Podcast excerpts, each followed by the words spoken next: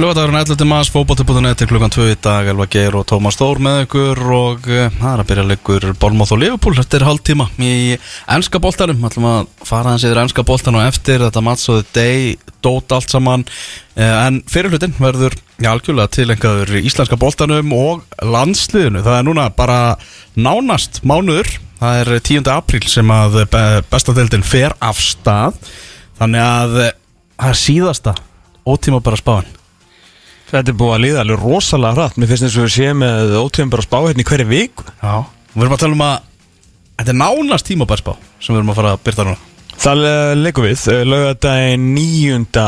apríl Nei, lögadaginn 8. apríl Byrja þetta ekki 10. apríl Jú, en laugadaginn 8. apríl og þá, þá munum við fara svona yfir vantilega spá Opinbera spá, fotbolti.net og sjáum svona hvernig þetta verður í alvörunni sko. Já, en að byrja á mánudegi til den 10. apríl, annan í páskum.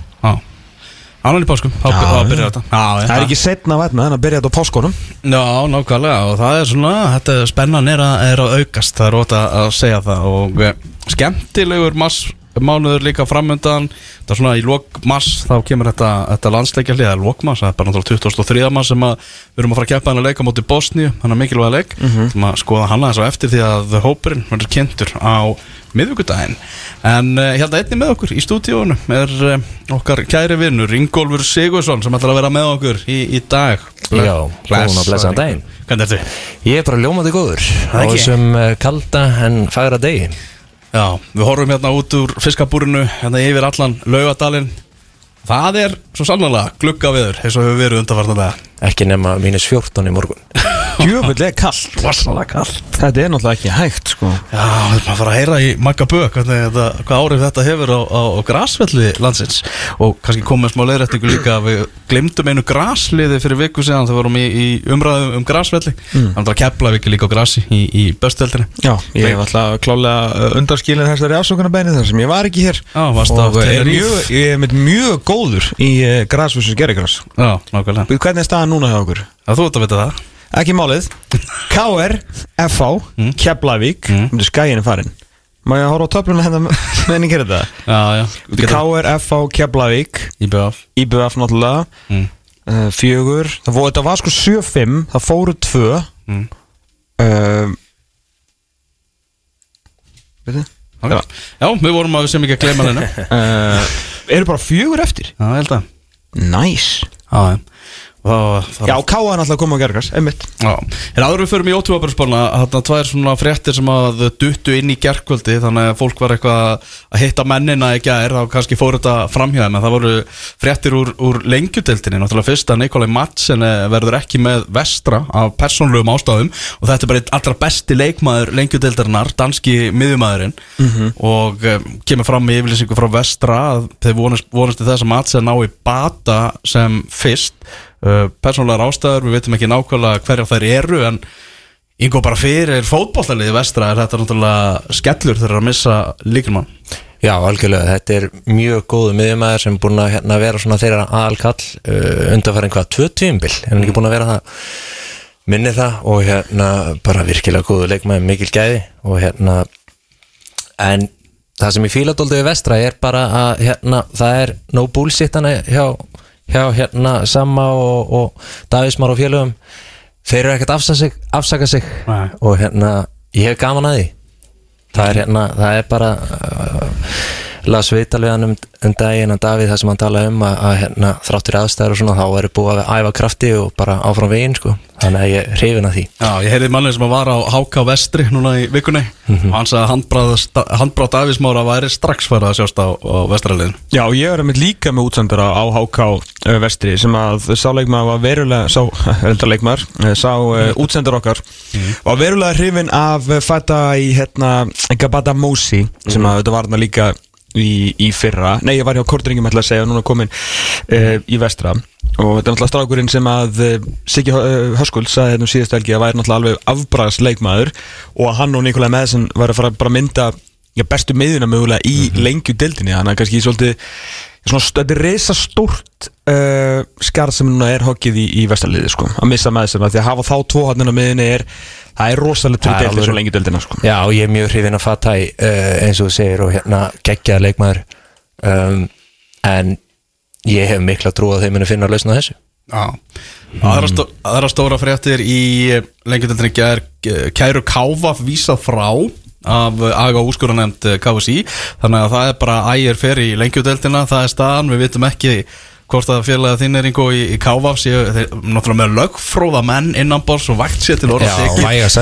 Heila fjölskyldu, heilan ættlegg af lögfræðingum. Já, hvort að sé að fara að koma eitthvað meira eða hvort að þeir séu bara svona sætti sig við þessa niðurstöðu. Já, það er bara um að gera að reyna að láta hérna reyna á regluverkið. Þetta er nú búið að vera sko ansi svona hvað getur við sagt loðið þetta þessi, þessi plagg hérna, þetta plagg hjá KSI og maður svona menn eru með misjána skoðunar á hvað er rétt og hvað er ránt í þessu. Um, En vill knarspindufélag Vesturbæður vera í lengjadöldinni eða er þetta bara Kristjánsinnir uh, bara vantaði eitthvað hobby til að gera eftir vinnu að pota í KSI Sko ég, ég veit ekki alveg mekanisman en, en það eru góði mennana við, við störf sko þannig að hérna já, það þarf bara að hlera það og ég þekki ekki alveg nákvæmlega hvernig þetta er sko En eins og staðan er ægir verður í, í, í lengjadöldinni en sjáum hvað gerist það Tjöfull hefði verið fyndið þess að hefði verið snúið við og ægismenn búin að undirbúa sig fyrir aðradeldina svo allt hennu Já. fattin að leita lengjudeldaleikmönnum Já, og svo var allt hennu komin aftur í aðradeldina og XG hjá Hrói Tókins fyrir bara upp og niður og upp og niður sko. Sko, með við það sem ég las þá, svona, ég las þessu náttúrulega það félag sem hefur hvað mestu hagsmun í þessu og þeir get ekki þá svarað fyrir sér og allt það. Nei. þannig að hefur þurft að, að beina kærunu að ægismunum verðist vera með að við ástæðan fyrir því að vísa, vísa sér frá. Það var um að hengja bakara fyrir smið. Já, eða sjáum hvað gerist. Förum yfir í förum yfir í ótímabæru Býtu er það stefið Jú, þetta er stefið góða Stefið. Það var einhvers að reynda að eyða stefinu út úr tölvunu hjá okkur hérna fyrir Já, tveimur mánuðum því var, síðan. því var eitt. Já, já, en við náðum að En endur það spratt upp. eins og sveppa fólkið í The Last of Us. Það uh, fer ekki neitt. Eitt þáttur eftir. Einn þáttur eftir. Síðast ég var rugglaður Rugglaður. Jesus Christ maður. Ásamt þarna þriðja þættinum, það var þetta besti þátturinn í, síðast En þátturinn og undan því Hann Já, þeir, þeir voru í kringlunni. Kringlu þátturinn. Já. Hann er lúmst, hann er vannmetinn sko. Að Því að maður er allan tíman Hvað er að fara að gerast? Einmitt. Maður er bara svona með kvíðan hnút í maganum í 40 mínútur sko. Já, Já, mér Segi var ekki standaldi langdrein sko. Já en, hann, en það er þessi kvíðanútur Þú veist, þú Já. stendur upp og þeir eru bara illt í magan Þau eru að framkalla hann sko, þetta er allt með vilja gert.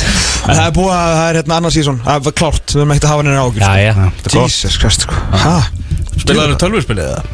Nei, ég hérna spilaði eða bara tvo tölvuleiki sko. Annars vegar FIFA, uh, smá NHL svo var ég náttúrulega landslismæður í Counter-Strike Já. og, uh, og svona tók gott tíumbil þar. Svo hef ég eiginlega bara lægt, ég er aðeins í tækjar nú að því ég er náttúrulega komin í gólfið Já. En ég er, ég, þetta eru fleiri en tveir töluleikir það er rétt. Ég held að það væri bara fyrir, sko. Ég spilaði bara bara NHL 98, ég kefti fyrir fermingapenningin já. hérna, en annars er ég bara, hef ég alltaf verið FIFA og, og Counter-Strike maður sko, Já. Það er nú bara svo það er. Í 12. sæti í ótímabæru spáni. Kjærfjökingar eru þar áfram. Uh, Ekki ákjósalegt að þurfa að finna sjö nýja byrjunleismenn sagði Siggi Raki í, í viðtali í, í vikunni. Uh, Hann er bara að spila niður væntingar alveg eins og hann gerði í, í fyrra þegar hann blætt okkur öll. Já.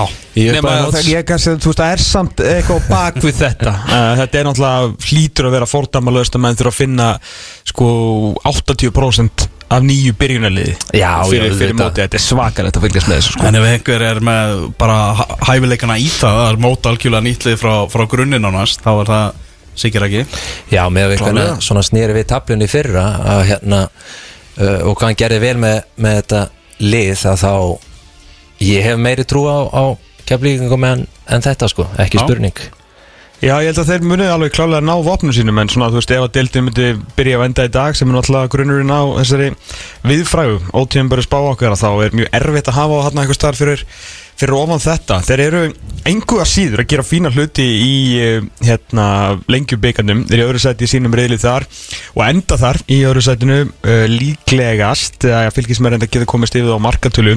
Unnu 2-1 uh, þeir eru, eru töfur endar illa fyrir Þórsurum búin að gera jafntefli við fylki sem eru með þeim í deild og uh, hvað var síðan síðasti leikurinn á fór í nýju marka leik gegn Já. bíðeldarlega fjölni sem unnu samt Skrítilegur 5-4 Þannig að þeir verðast allan að geta skorað uh, mörg svona þrátt fyrir að, að svona, já, það er sem búið að taka að sé hraustlega af þeim leikmennum sko. Akkurat.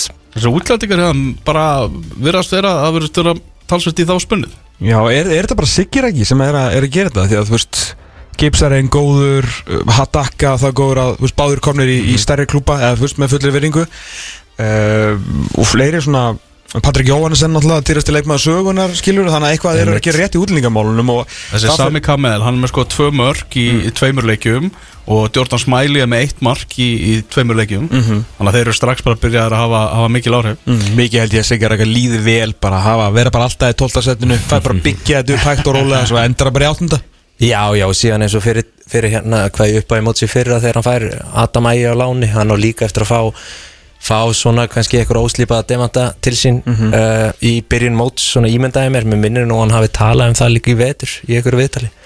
Er ekki eitthvað að fara að falla á trjánum til dæmis hjá Keflavík og Nei. eitthvað þannig? Voru þið ekki að tala um það í síðasta þetta? Hjá Nei, fyrir ekki hjá Breiðabliki, þeir eru alltaf margir á æfingum það er Chelsea stemning þar sko þannig að það ætti að vera einhverju leikmenn sem eru klárir að, hérna, fara ánga á láni og líka bara, veist þetta minnum við alltaf á hvernig Eyjup var með svona sitt hérna, hvernig fólk leita á Eyjup með Víking Ólasvík að hérna, hann var komið gott rep fyrir að, taka á móti mönnum á láni, gera á betri og skila þeim aftur Mhm. Í samblandi við að negla nánast hvernig einasta útlending sem að kom. Einmitt, þannig að mér finnst þetta svona Siggir ekki dálítið minna á, á þetta veist, hann er komin núna með gott orðspor hann er virkilega góður að taka inn menn og, og gera á betri. Já. Það er kannski náttúrulega það sem fá, það er fátt mikilvægur auðvitað viltu vera með góðan þjálfara, það er ekki spurning og sikir ekki er það. En það eru svona einn dýrmætasti kosturinn í klúb sem hefur kannski ekki einmitt mikið á milli handana í þessum íslenska bolta og auðvitað svo sem allstæðurinn sérstaklega hér heima er að vera með þjálfara sem að A, þekkir markaðin vel og er líka bara þú veist góður judge of talent sko. Einmitt. þeir megi ekki vinninum sko algjörlega, algjörlega, já ég held bara að Siggir ekki, hann er besti leikmaður keflingu Hann er MVP. hann er, hann er svo mikilvægsti Já, þetta er svona, þetta er skrítið tóltasætti og mjög jákvætt tóltasætti að því mann hefur einhvern veginn meiri trú en bara með við rótið sem búið að vera á þessu þá er erfitt að sjá eitthvað annað fyrir það akkurat núna. Fyrst einhvern veginn eins og að séu svona þrjú neðstu liðin séu einhvern veginn á nokkuð svipuðum stað finnst mér núna. Förum í 11. sætið þar sem að hákáðingar eru. Gerðu eitt eitt jafntöfli gegn vestra í vikunni. Við sáum á tóma móti, móti val voru þjættir þar En þeir eru bara búin að skora þrjú mörg í síðustu fjórum leikjum í, í lengjubikandi Já, sko, ef við bara rétt vitnum þetta var fyrstu mínútunar sem ég sé hérna og ætla ekki að fara að dæma á já, kannski, þeir myndu kannski vilja að ég myndi dæma á þessum 90 mínútum gegn eh, val á hlýðrendum daginn því að þeir voru hörkuflottir. Þeir stóðu vissulega af sér stormin í svona 20-25 mínútur. Valsmenn lágu á þeim. En gerðu það bara vel. Uh, síðan tók við bara svona hvað var að segja? Segja síðasta kortirið ish í fyrirháleik og vel framan á setniháleik þar sem að ef ég fæ aðeins að íkja spilaði Háka bara val bara út af vellinum sko. þeir áttu svona 40 mínútur þar sem að þeir voru bara drullu flottir sko. bara góðan fótbolta uh, Ómar að stýra þessu vel menn svona virkilega svona og gott maður sá bara og gott, svona, gott samband með þjálfara og, og leikmanna uh, og meiris að gera þetta allt án þess að sko Marciano Assis var sko langlélægasti mann í þessu leik. Hann fekk aldrei boltan sko. Mitt en síðan alltaf skoraði hann ekki á móti vestra. Og viti Já, þannig að hérna, ég ætla að segja svona, í þeim leik þar sem þeir eru svona reykjala flottir á myndu val innan gæslappa áttuður samt Asís inni. Og aðri góður í þeim leik þeir gerðu að gera skiptingar í hálfleik hvort sem styrtu að gera þau skiptingar og voru bara flottir sko. en vandar eitthvað fram á því náttúrulega til þess að pota sem blessum boltar í markið. Því að endunum tapaði fótboltaleiknum með einu þetta var fengt skot hjá Lukas Lóa en, en, Arnar ásand að verja þetta. Við vorum í frábæri stöðu til að sjá þetta og ég veit hvernig þetta lítur út úr kamerunni fyrir aftan markið en það sem við sátum þá á bara Arnar að verja þetta, það er ekkert flókið En frá því að þeir fengur náttúrulega reysaskellum átti K.R. að þá eru bara búin að fá þessi tvö mörk í, í, hérna, í þremur leikjum sem er vel og ég held að, þú veist, þið er að tala hérna um varnafæslunar og það að, hérna, að ætli Ómar hafi ekki farið aðeins betur í þau uh, í þessi varnaratri eftir hennar reysaskell uh, og svona ákveðnar viðverðunar bjöllur að, að hérna, þú ert ekki að tapa tapa leik 6-1 á móti liði sem er deilt Alls ekki þó og- það vanti hinn og þessa og allt það sko. og hérna, Svín sem var á láni þótti mjög öflugur gegn, gegn vestra. Að hérna heitlaði menn sem voru í kornum alveg verulega. Það þurfa ekki nöðsynlega að fá eitthvað einbindingu fram á við á þessum vikum sem að eru fram á móti. Ef þú ættir að velja eina stöðu á vellinum þá þarftu þurfa það fram meira. Bara 100% sko. Já. Herðu, förum þá upp úr fallsætunum. Förum í tíundasæti, förum í Árbæn Fylgir tapaði gær 0-2 fyrir fjölni í lengjabíkun Ok. Já, það er, kemur óvart en enga síður er fjölunni búin að smíða mjög gott lið í vetur búin að fá inn öfluga menn og, og hérna hafa bara komið fram og, og, og hérna segja stefna á ekkert annað en æðstu deild, þannig að þeir eru að smíða gott lið. Enga síður þá kemur þetta alltaf óvart, skilur lið sem eru deild fyrir neðan að að- að að vinna þig, það er ekki, ekki jákvægt verður að segjast. Og hvað þá þjónar ekki að pota inn blöðrunni uh, yfir marklínuna sko. Það er ekki frábært. En ef við þekkjum okkar mann uh, Rúnan Pála þá er þetta samt sko verið geggjaðleikur Það finnst fylgis með voru geggjaðir. Það voru geggjað veður, geggjaði völlur. Bara ekki alveg nú geggjuð úslit sko. Nei, hann vant aðeins upp á.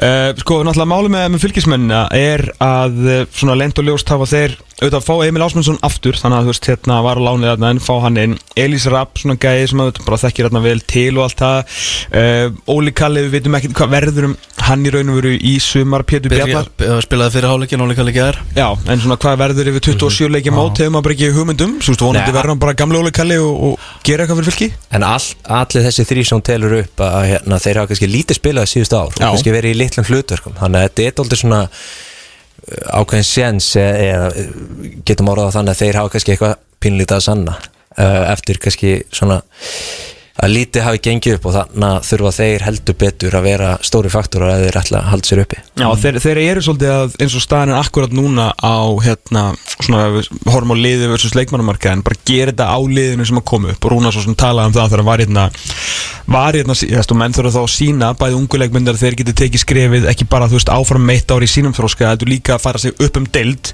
sem þeir eru náttúrulega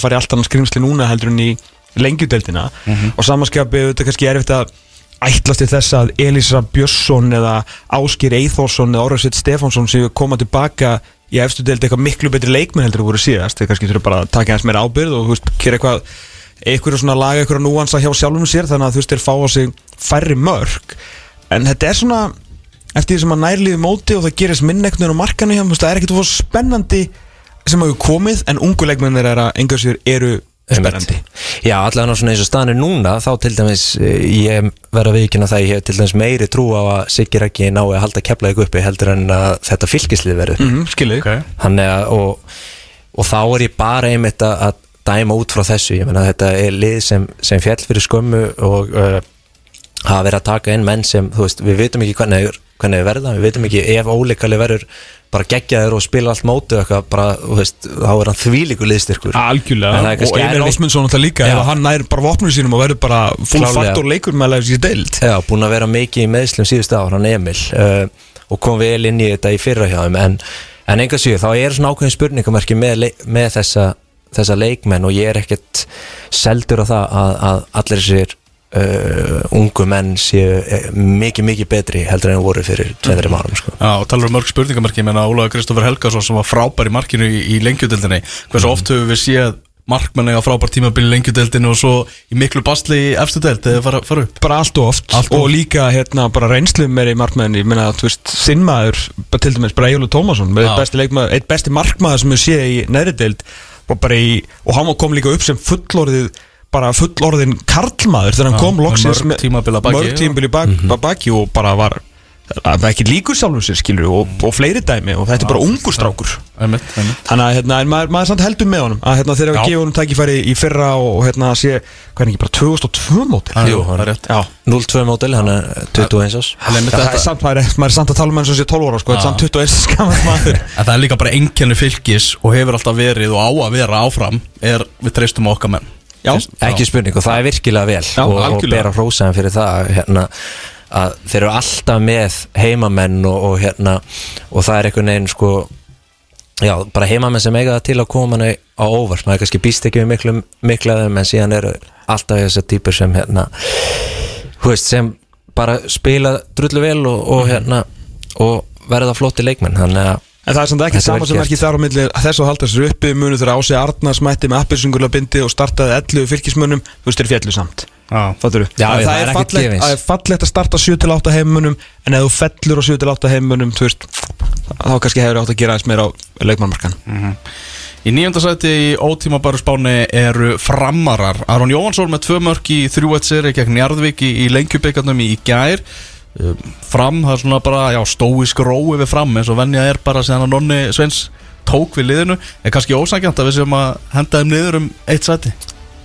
Nei, ekkert frekar sko.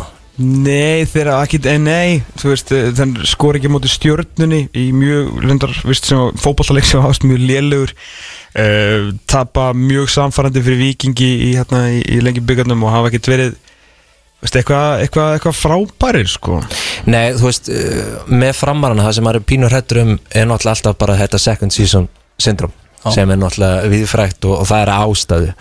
Uh, Þeir eru búin að missa Alex Frey í breyðablík sem var náttúrulega frábæran í bakgrunum Almar Ormason sem kom á miður tímbili og var hérna svona doldi saman Indri Áki sem búin að vera leikilmaður í velgengnu undanfærin ár uh, og Orri Gunnarsson sem er svona uppalinn framari og, og One Club Legend og, og, og allt það sko þannig að hérna þetta er alveg þetta er alveg póstar sem eru farnir og uh, eru búin að fá inn þrjá leikmenn, Adam Aron, Aron Jó og Orra Sigur Jóns en, en enga síður, þetta eru svona leikmenn eins og Alex og Indri og Orri sem hafa átt Og Almar.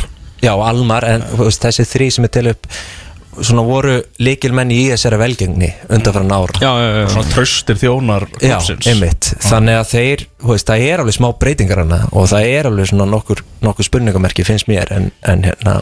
Hvað þeir enda í hvað aftundasæti í, í fyrra? Já, koma öllum á óvart og eru bara að spila sambaboltinn á milli og, og Veistu, hérna við- geggja vallastæði og aðstæður hérna upp frá og mikil stemning. Veist, Við byrjum með áttunda núna Þau voru sinni áttunda í februar Við fara niður um eitt sæti sem er líka kannski út af Lenu sem við erum að fara að tala um Næst fatturu, þannig að þetta er ekkert eitthvað svakalig breyting hjá þeim og ég raun og veru með hvað þeir hafa verið að gera hefur svolítið sérst að einhverju leiti hverja, hverja þeir sakna líka. Og hérna það skiptir allt saman máli en ég held að verði afskaplega þægilegt tíumbil held ég á endanum fyrir framarna bara og það er aðalega bara út af nonna sko. Og bara hvað er Og Ragga. og Ragga sko, en er kannski svona á meira kannski eftir að sjá hvað Raggi geða maður vissi hvað Steini kom með í samband sem sagt Ah. Nonna og Steina Mhm. en En það sem maður heyrir úlvast átt sé að Raggi sé rosalega vaksandi í, í öllu hjá, hjá fram sko. Ah, Það er svona notað fyrstu vikurnar aðeins í að svona fóta sig og fylgjast með sko. Já. Svo núna er hann bara farin að vera æ hávar rött innan, Ok. innan klúpsins sko. Já, hann ætti að kunna, kunna fræðin Emmitt, það er bara geggjað að fá þú veist, nýjan þjálfara í þjálfarapúlurinn sem væri Ragnar Sigursson ah, Það var nú maður sem var bara við varamálabekkin hjá um daginn sem sagði bara að Raggi hafi nánast bara verið mest vókal í, í, í, í bávagnum sko. bara hérna nonna þess að stíga tilbaka og lefa Leifa Ragga aðeins að, að skemmtilegt. fíla maður. Já, fíla Herðu, förum yfir í áttunda sætið IBVF. Við erum á miklu betri stað en á sama tíma í fyrra sagði hemmi reyðast við mig í, í vikunni eftir að þeir unnu leikni Þeir voru náttúrulega að koma úr æfingaferð og mættu síðan og, og pressuðu F-áinga stíft og rulluðu yfir þá unnu síðan leikni og unnu síðan Selfoss í Það er bara Allt á sig- viku? Allt á einni viku eftir að hafa kom og þeir voru sko bara nýlendir úr æfingaferðinu þegar þeir kæftu á móti F-á sko. Já, Þeir komu bara beint frá lifstöð og, og, og mæstu leiks leftu þá svona loka kvöldinu á, í æfingarferðinni og Það verður að tekið það bara fyrst. Já, ætli það ekki. Það er mjög erfitt með að sjá nokkuð íbjöðaflið sleppa eh, gleðistund Það sé ekki, ekki séns Það er bara bensínið þeirra Þetta er ógeðslega að fyndið að horfa á hana reyðil Þegar bara, þú veist, FO leiknir er verðin 25. februar Svo er bara FO IBF Leiknir IBF, Selfoss IBF, Breiðablík Já.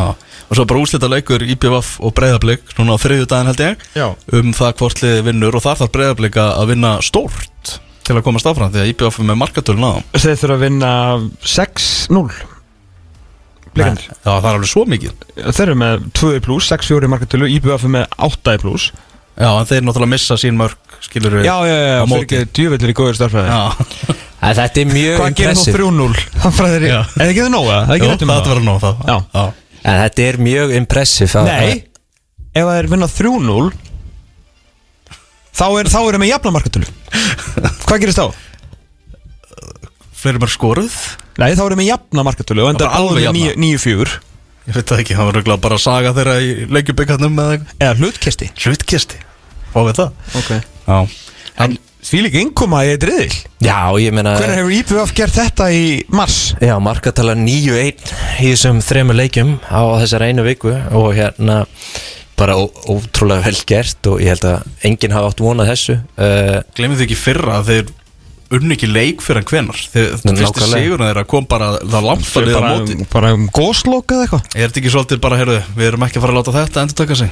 Já, einmitt og ég meina muni á sama tí- tíma í fyrra í upphæfi móts að að þá voru hérna, þá voru við að gaggrina á fyrir að vera kannski ekki í standi. Einmitt. það var hérna sko hvíti liturinn á treyjunni getur verið hættulegur en maður er með smá úf, smá aukalega á sér sko og, og hérna það kontóldi í ljósana uh, í upphæfi móts en Aldrei vera tilkynntu sem nýr leikmar í BF beint eftir jól. Já, einmitt, er vera þá í já, já. tilgjendur sko.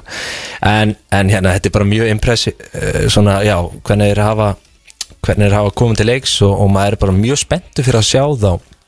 Ég er búin að sjá klefsur en ekki, ekki svona heilan leik og er mjög spenntur að sjá hvernig, hvernig þeir mæta til leiks.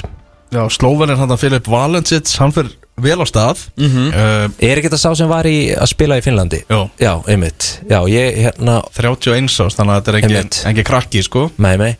Uh, Ég uh, sá myndband af honum leitt vel út um, og hérna ég held að þetta sé bara leikmaður sem getur skipt sköpum fyrir þá. Það verður mjög spennandi að sjá hann spila þessari deild búin að gera vel í Finnlandi uh, undanfærin ár. Hann að hérna já og síðan eru við náttúrulega með veist, eh, þeir eru með best, eða, þú veist, eitt besta, ég hef ekki besta miðvörð deildarinnar, þeir eru konið með, með hérna alvöru markmann mm og hérna eru bara spennandi, Alex Freyri náttúrulega hann ennþá frábæð miðumæður og hérna og uppaldi menn hann eins og Jón og, og, og Felix. Örn, hann að Þeir eru þeirra að fá mörk í þessum þremur leikjum. Eður Aron alltaf með tvö hátta móti uh, móti FH sem segir manni að först leikatrið þau eru að skila sem er Emmitt, alltaf maður vel þarf ekki að sjá leikinn til þess að vita það. Sverri Pál Hjaltisen skorar í þeim leik Slóvenin skorar hérna Velensevits á móti leikni mm Breki Ómarsson skoraði bæði mörkin í gær. Þannig að þú veist að mörkin eru svolítið að dreifast ráttur að það náttúrulega er engin Andri Rúnar til þess að miða á að þá kannski þurfa fleira að taka þátt í þessu. Já, mér finnst bara, þú veist, risa kredit á bara uh, Hermann Reyðarsson og hvernig hann hefur haldið utanum þetta miða við stöðun og liðun í fyrra uh, í upphæði móts og, og hvernig er endur móti og hver eru stattir í dag það er bara stórkoslega vel gert, finnst mér. Já, og líka mikilvægt fyrir hemma að sína líka að hann geti gert þetta sjálfur því að sögulínan síðasta tímbil var bara Heimir Hallgrímsson. Og nú er Heimir bara á Jamaiku þannig að hann er allan að fyrst, hinga til þetta er eitthvað mest impressive leikir sem hefur séð á vetrarmótum frá eigamönnum í háahærans tíð sko. Já, en alveg ljóst í þessu viðtaldi leikinsleikin hann vil halda mönnum aðeins á jörðinni. Það er bara að þeir eru hitt á góðan dag hérna á móti FA og svona var ekki Geta svo aftur og góðan dag á móti leikni og finna á móti Selfossi og... Já, en það er ekki mikil breytt hjá eigamönnum hins vegar og, Nei, það eru, það eru ekki að fylla bekkinn og og það geti kannski komið í baki á þeim eða lenda í, í skakkaföll mm.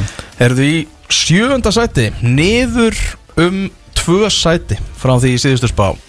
FA það veit enginn hvort að FH séu frábærir eða liðlegir fengur náttúrulega skell gegn IPVF um Já. síðustu helgi eins og við erum að, að tala um. Og varnarleikurinn er bara stór hausverkur hjá FH hefur búið að vera undanfram ár. Maður veit ekki, það er ekkert nýtt svo sem. Nei, maður veit ekki þeir eru ekki búin að vera með fasta varnarlínu nánast og Svo þegar Hadaka mætir og heillar þá er hann farir í bakurinn og komin aftur í miðvörðin en þú veist, FH vantar en þá annan miðvörð það er búið að vanta tvo miðverði hann lengi og það er bara búið að, kaupa eitt sko. Já, ég held að hérna sko það sem ég hrættastur um með FH er að ég held að hérna uh, of mikla væntingar of snemma geti komið í baki að þeim vegna þess að þú veist við megum ekki það má ekki gleyma því að það, uh, þeir fjallunast í og það er alveg að ástæðu. Þannig að ég er doldið hrættur um að hérna að þeir haldi að bara með tilkomi heimis að þá verði, verði þeir allt í einu bara sjálfkrafa í top 6 uh, en ég held að það sé ekkert svo einfalt vegna þess að já, ég sé, þú veist, þeir eru með fínan hóp ég myndi ekki segja að þeir eru með frábæran hóp uh, og hérna ég sé ekki alveg bara að þetta mun eitthvað, já, ég held bara að hinliðin séu betri, þessi, þessi top top lið. Þannig að ég held að þetta geta alveg orðið svona miðjum aðs tímabil eins og eins og ótímum bara spáin segir til um. Í raun og veru væri annað skrítið því að auðvitað er stórfurðulegt fyrir okkur sem erum fann að setja þarna síðan 2009 þegar að þú veist, einmitt á gullaldra árum FH uh, þú veist, hvað verður þeir búin að vinna marga titla undir okkar stjórnatenda, þú veist, einhverja þrjá, fjóra og þá verður búin að vinna einhverja fimm þar á undan.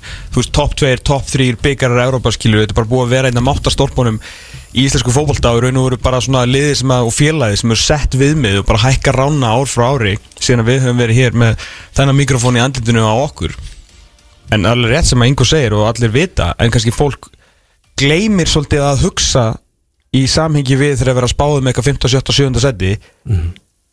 Þeir fjallu í fyrra sko. Já. ekki gleyma.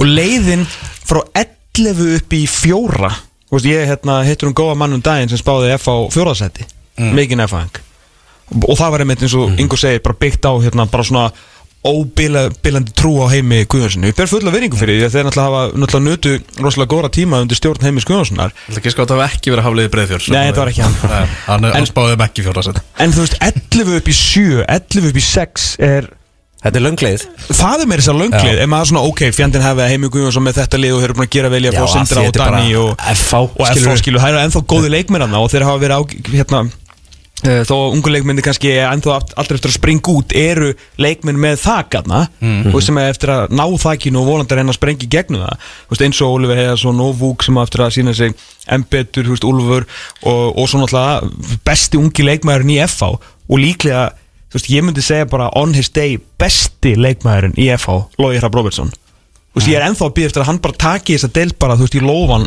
og pakkinni saman, sko. Þetta er hans með Úlf Ágúst Þetta voru með Heimi Guðjónsson hérna í, bara fyrir viku síðan og þú veist þrátt fyrir að hann vildi náttúrulega ekkert vera að búa til ómiklar fyrirsagnir um þetta að, bara fyrir þjálfar og það nú er hann á leiðinni í nám. Hann verður ekki allt tímabilið búin að vera fun heitur á undirbúinstímabilið það hlýtur að vera mjög óþægilegt allar að þú veist vera hann með hann sem starter á, á tímabilinu spila upp á hann og svo kemur kannski að mikilvægasta punkti tímabilsins og Já. þá er hann farin út Já, allir þá koma með Kjartan Henry Fimboðsson sem að svona eldri leikmaður sem myndi halda að þurfi aðeins meiri takt í sitt tímabil spila svona svolítið reglulega og allir að, þú veist, ég held að sé erfið að koma með Kjartan Henry inn í ágúst og segja bara, hei, performaði Hvað segir þjálfarinn, Ingo?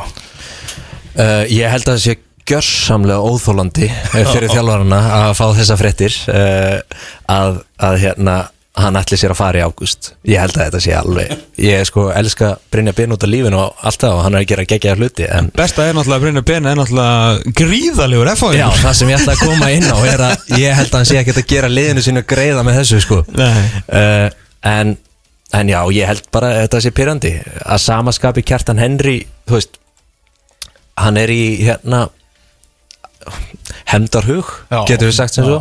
Að hérna, ég held að hann sé mjög uh, áfjáður í að, að hérna standa sér vel og þegar menn eru þannig gýraðir að, að þá hérna þú veist ég, hann fer yfir tíu mörg það er klárt. Ég meina, er, ekki, það, er ekki Kjartan Henry bara orðin starter núna út af þessum fréttum? Ég myndi halda það Þú veist, Úlfur náttúrulega, því. veldi sér líka miklu auðveldra fyrir Úlfur að koma inn og valda usla heldur en Kjartan Henry. Já, ég myndi sitta að hugsa það úr meira einmitt í, í það hlutverk að koma inn og valda usla og, og Já, ég meina, þú veist það er allan kannski erfitt, þú ert nýbúin að tilkynna þjálfurinu þínum á sért að leiðin út í skóla að gera eitthvað svakalega kröfur á, á byrjanleysæti, sko. En þannig að þú veist, ég veit ekki maður, þetta ég, þetta er þetta er aðdeglisvert, væga sagt. Kjartan Henry í Vígahug verður frólætt að sjá í sjötta sæti í ótímabæru spáni við svona, við vorum aðeins að flakka með þetta lið. Ákveðum bara rétt fyrir, rétt fyrir þátt að henda þeim í halda þeim í sjötta sæti mm -hmm. það er stjarnan í Garðabæ sem er í æfingaferð á Spáni í vikunum þá var leiklið æfingarleik gegn sænska úrvastættaliðinu Varnamó uh, 3-1 sænska liðinu í Vil þar sem að uh, Hilmar Átni Halldórsson kom inn á bekknum og skoraði eina mark stjörnunar Það er stort Já, það er stórt. Og við erum búin að tala um það. Hann til að endur koma Hilmar Átna eins besta fótballtamann steildarinnar en uh, hvernig líst þér á stjörnuna einhver? Sko, bara ágætlega. Ég held að að, hérna, það, er, þú veist, það sé gott fyrir stjörnuna að hafa mist menni eins og, eins og Óla Karl og, og hérna, Óla Karla sem er náttúrulega uppalinn og mikil smetinnan í Garabænum og Óskarur uh, Óskar var í svo litlu hlutverki og veist, uh, það var, fóð svo mikil orka og umræði í það að tala um hans stöðu uh, innan liðsins að hann ætti að vera að spila eða ekki og, og síðan var verið að tala um hvað stöð hann ætti að spila. Uh, þannig að hann var að spila hann á miðjunni sem hann hefur náttúrulega lítið gert búin að vera bara eitt besti kampmaður deildarinnar til, til margra ára. Um, þannig að ég held að sé gott fyrir að vera hérna þessi umræða hún er farin. Mm. og uh, mér finnst þau eru búin að gera vel á markanum þeir eru búin að fá inn svona uh, þú veist, Guðmund Kristjánsson og, og hérna uh, Joey Gibbs sem eru þú veist, fullotnir og góðir. Uh, eru náttúrulega að fá líka tilbaka eins og segir uh, Hilmar Árna sem er náttúrulega stórkostlegur en en veist, hann er búin að vera út í ár vegna meðisla og, og hérna þannig að maður veit ekkert stöðan á honum. Uh, og bara hvernig hann verður eftir þessu meðisli og, og þá er ég að meina, veist, yfir, yfir þetta gríðarlega langa tímabil, eh, heilir 27 leikir uh, að hérna, það er kannski ég veit ekki, kannski óraunhæft að ætla að stila þess að hann spilir 90 myndir öllum og, og hérna leggja upp og skori þeim öllum, ég veit það ekki. Um, en mér líst vel á vel á stjörnuna og hérna uh, já, ég held að það sé svona ef ég dreif þetta saman, þá líst mér vel á. Það sem fórdóldi í mig sem áhöranda í fyrra er að, er að hérna, mér fannst þeir mjög misjafnir á milli leikja. Þú veist, það var kannski einn leikur sem þið mætti í og voru kannski í einhverju lápressu og, og næsti leikur að það var búið að gjössalega torvelda öllu og allir að spila allt annars konar fótbolta. Mm. mér veist að við myndum finna svona meiri meiri bara svona uh, skýrari grunn á hugmyndafræðinu sinni að, að það verður til góðs að sé ekki svona mikla sveiflur á milli leikja og það síndi sér líka bara í úslitunum að þau gáttu verið alltaf svona allavega.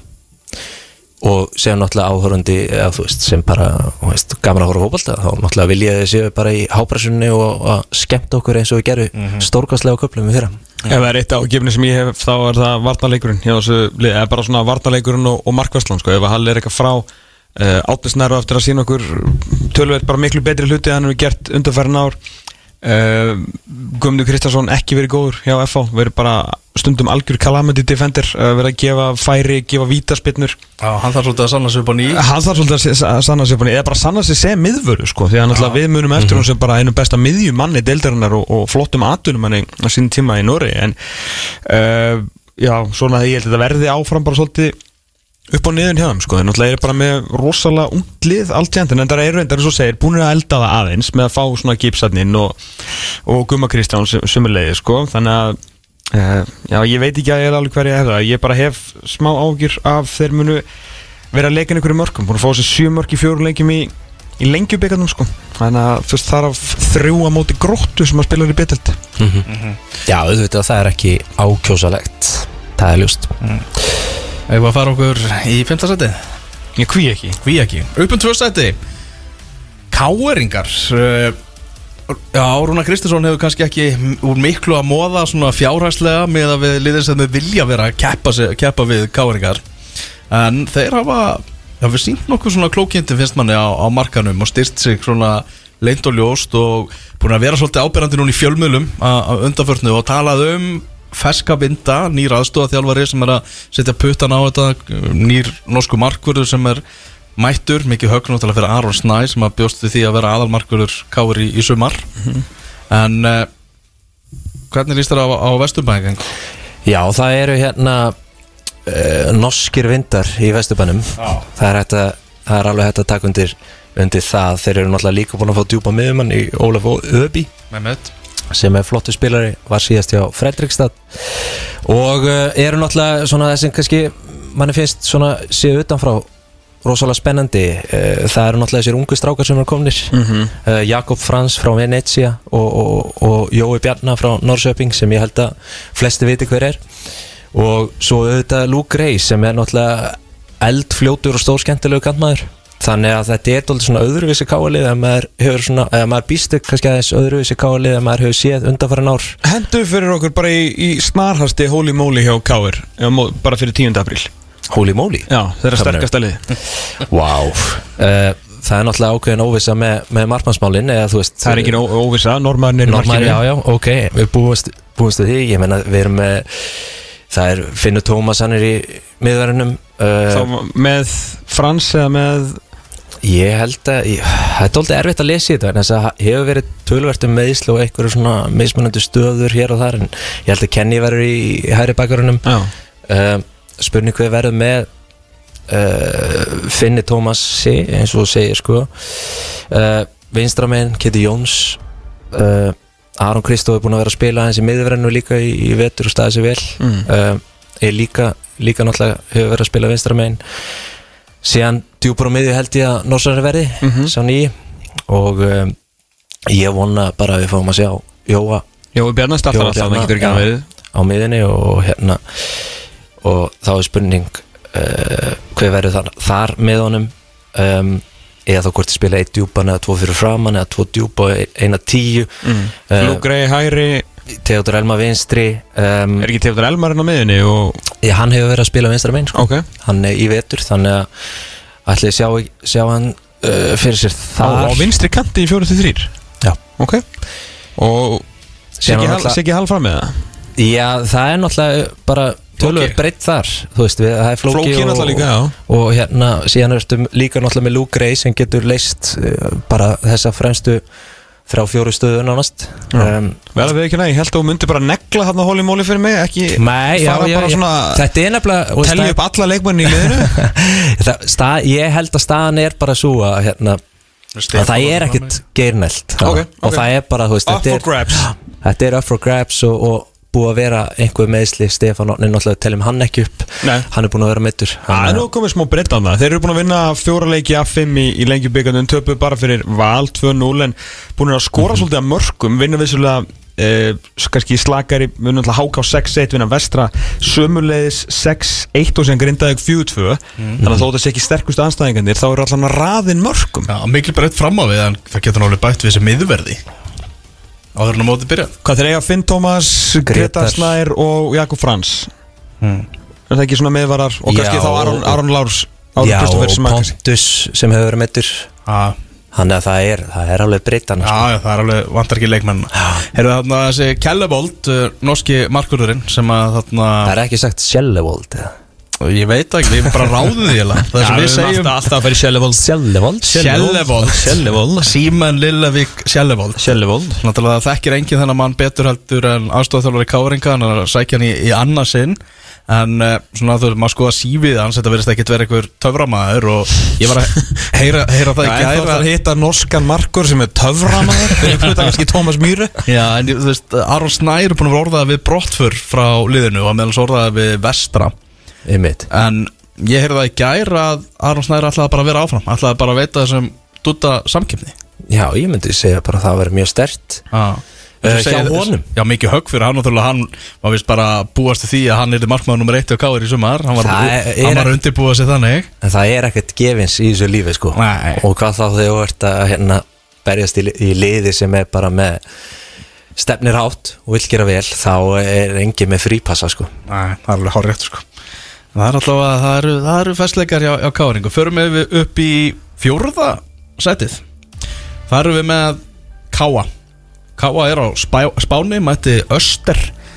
Uh, Sænska liðinu uh, Eitt öttur lokatölur, Ívar Ört Árnason sem skoraði mark Káa eftir hotspitnum Káa með flott lið en það er einhvern veginn erfitt að sjá það að fara ofar heldur en þetta með bara nökkva farin á nökkva Já. sem var algjör burðarás síðan tíðabil Svona fljótt á litið þá held ég að að uh, það sé dóltið djarftast spáðum í þriðja sæti uh, eins og staðan er vegna þess að ég og bara einhvern veginn eftir að sjá bara þetta lið ná að endurtaka leikin ég er ekki viss um að, að hérna, það muni gerast og sérstaklega náttúrulega þegar maður horfir á brottkvarf hérna uh, nökku ah.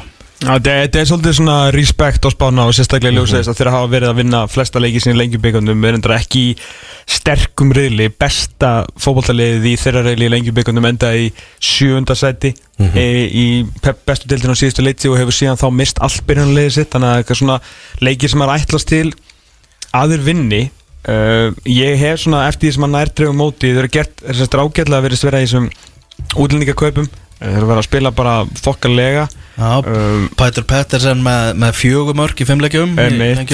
Já og Viljard náttúrulega færði sig yfir Já, það er, er hörku helvitis leikmaður sko. Það er flottu spilari En þannig að, það er bara að þeir verða Þú veist, einhvern veginn Að taka moneyball á þetta og hérna, sko, create nökkvi in the aggregate.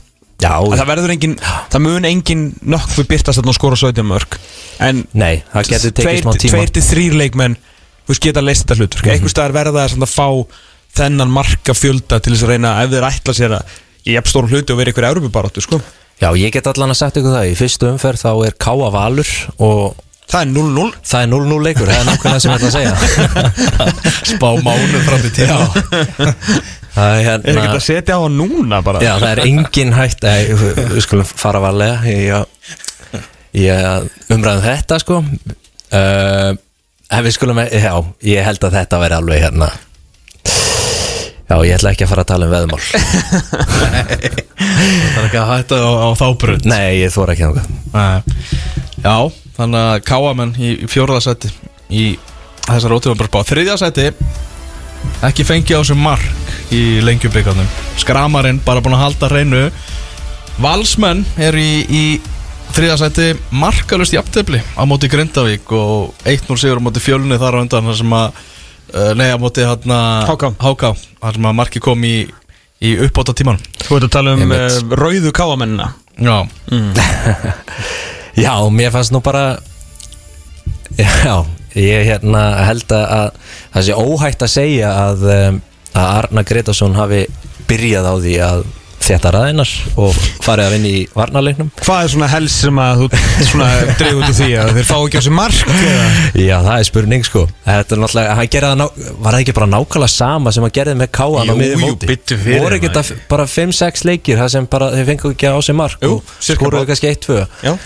Þú veist, þeir voru með markatöluna, þú veist, fjórir, fjórir eftir, þú veist, fyrstu 11 leikina eða eitthvað, þetta var eitthvað þannig. En hann er bara að byrja að byggja á réttum enda. Við getum orðað þannig og ef hann fær alla þessa uh, góðu leikmenn hana uh, til að nenn að verjast Hmm. eins og verðist vera að gera að þá hérna hef ég trú á því að valsmömmunni svo sannlega vera hana í baráttinum uh, titilin, Sko, ekki ef spurning. þeir- ef þeir eru að lélega leik varnamælindir þá er eitt Fredrik Skram sem mun þá bara fara í eitthvað ham og, og verja allt sem að marki kemur.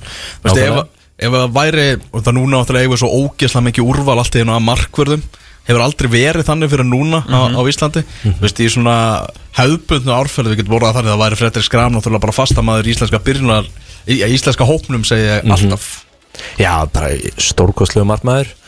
Og ég, annars er ég rosalega hrifin af hvað þeir hafa verið að gera á markanum. Þeir eru náttúrulega gjössalega búin að kúvenda hérna svona, uh, já, bara hvernig þeir ná í leikmenn. Mm. eru búin að sækja marga, marga unga spræka stráka sem, sem eru kannski framtíðin og uh, mér, af, af því sem ég sé þá er þetta allt bara veist, mjög uh, efnilegur og, og leikmenn sem hérna munu klálega geta sett strik bara í reikningin strax En talandi um reikninga, þá er náttúrulega kannski eina ástæðan fyrir því að þeir eru að sækja svona fleiri unga leikmenn er að e, á laun og launantöng gjöld hjá valsmunum yfir 2022 fyrir liði sem endaði 5. seti og samkvæmt tölunum sem Arna Gretarsson saði frá í vangjum hérna þöndum á dögunum voru alltaf manni færri að það nefndi enginn að hlaupa. Já, en samt voru laun og launantöng gjöld bæði fyrir kall og hvenna vissulega 300 miljónir króna.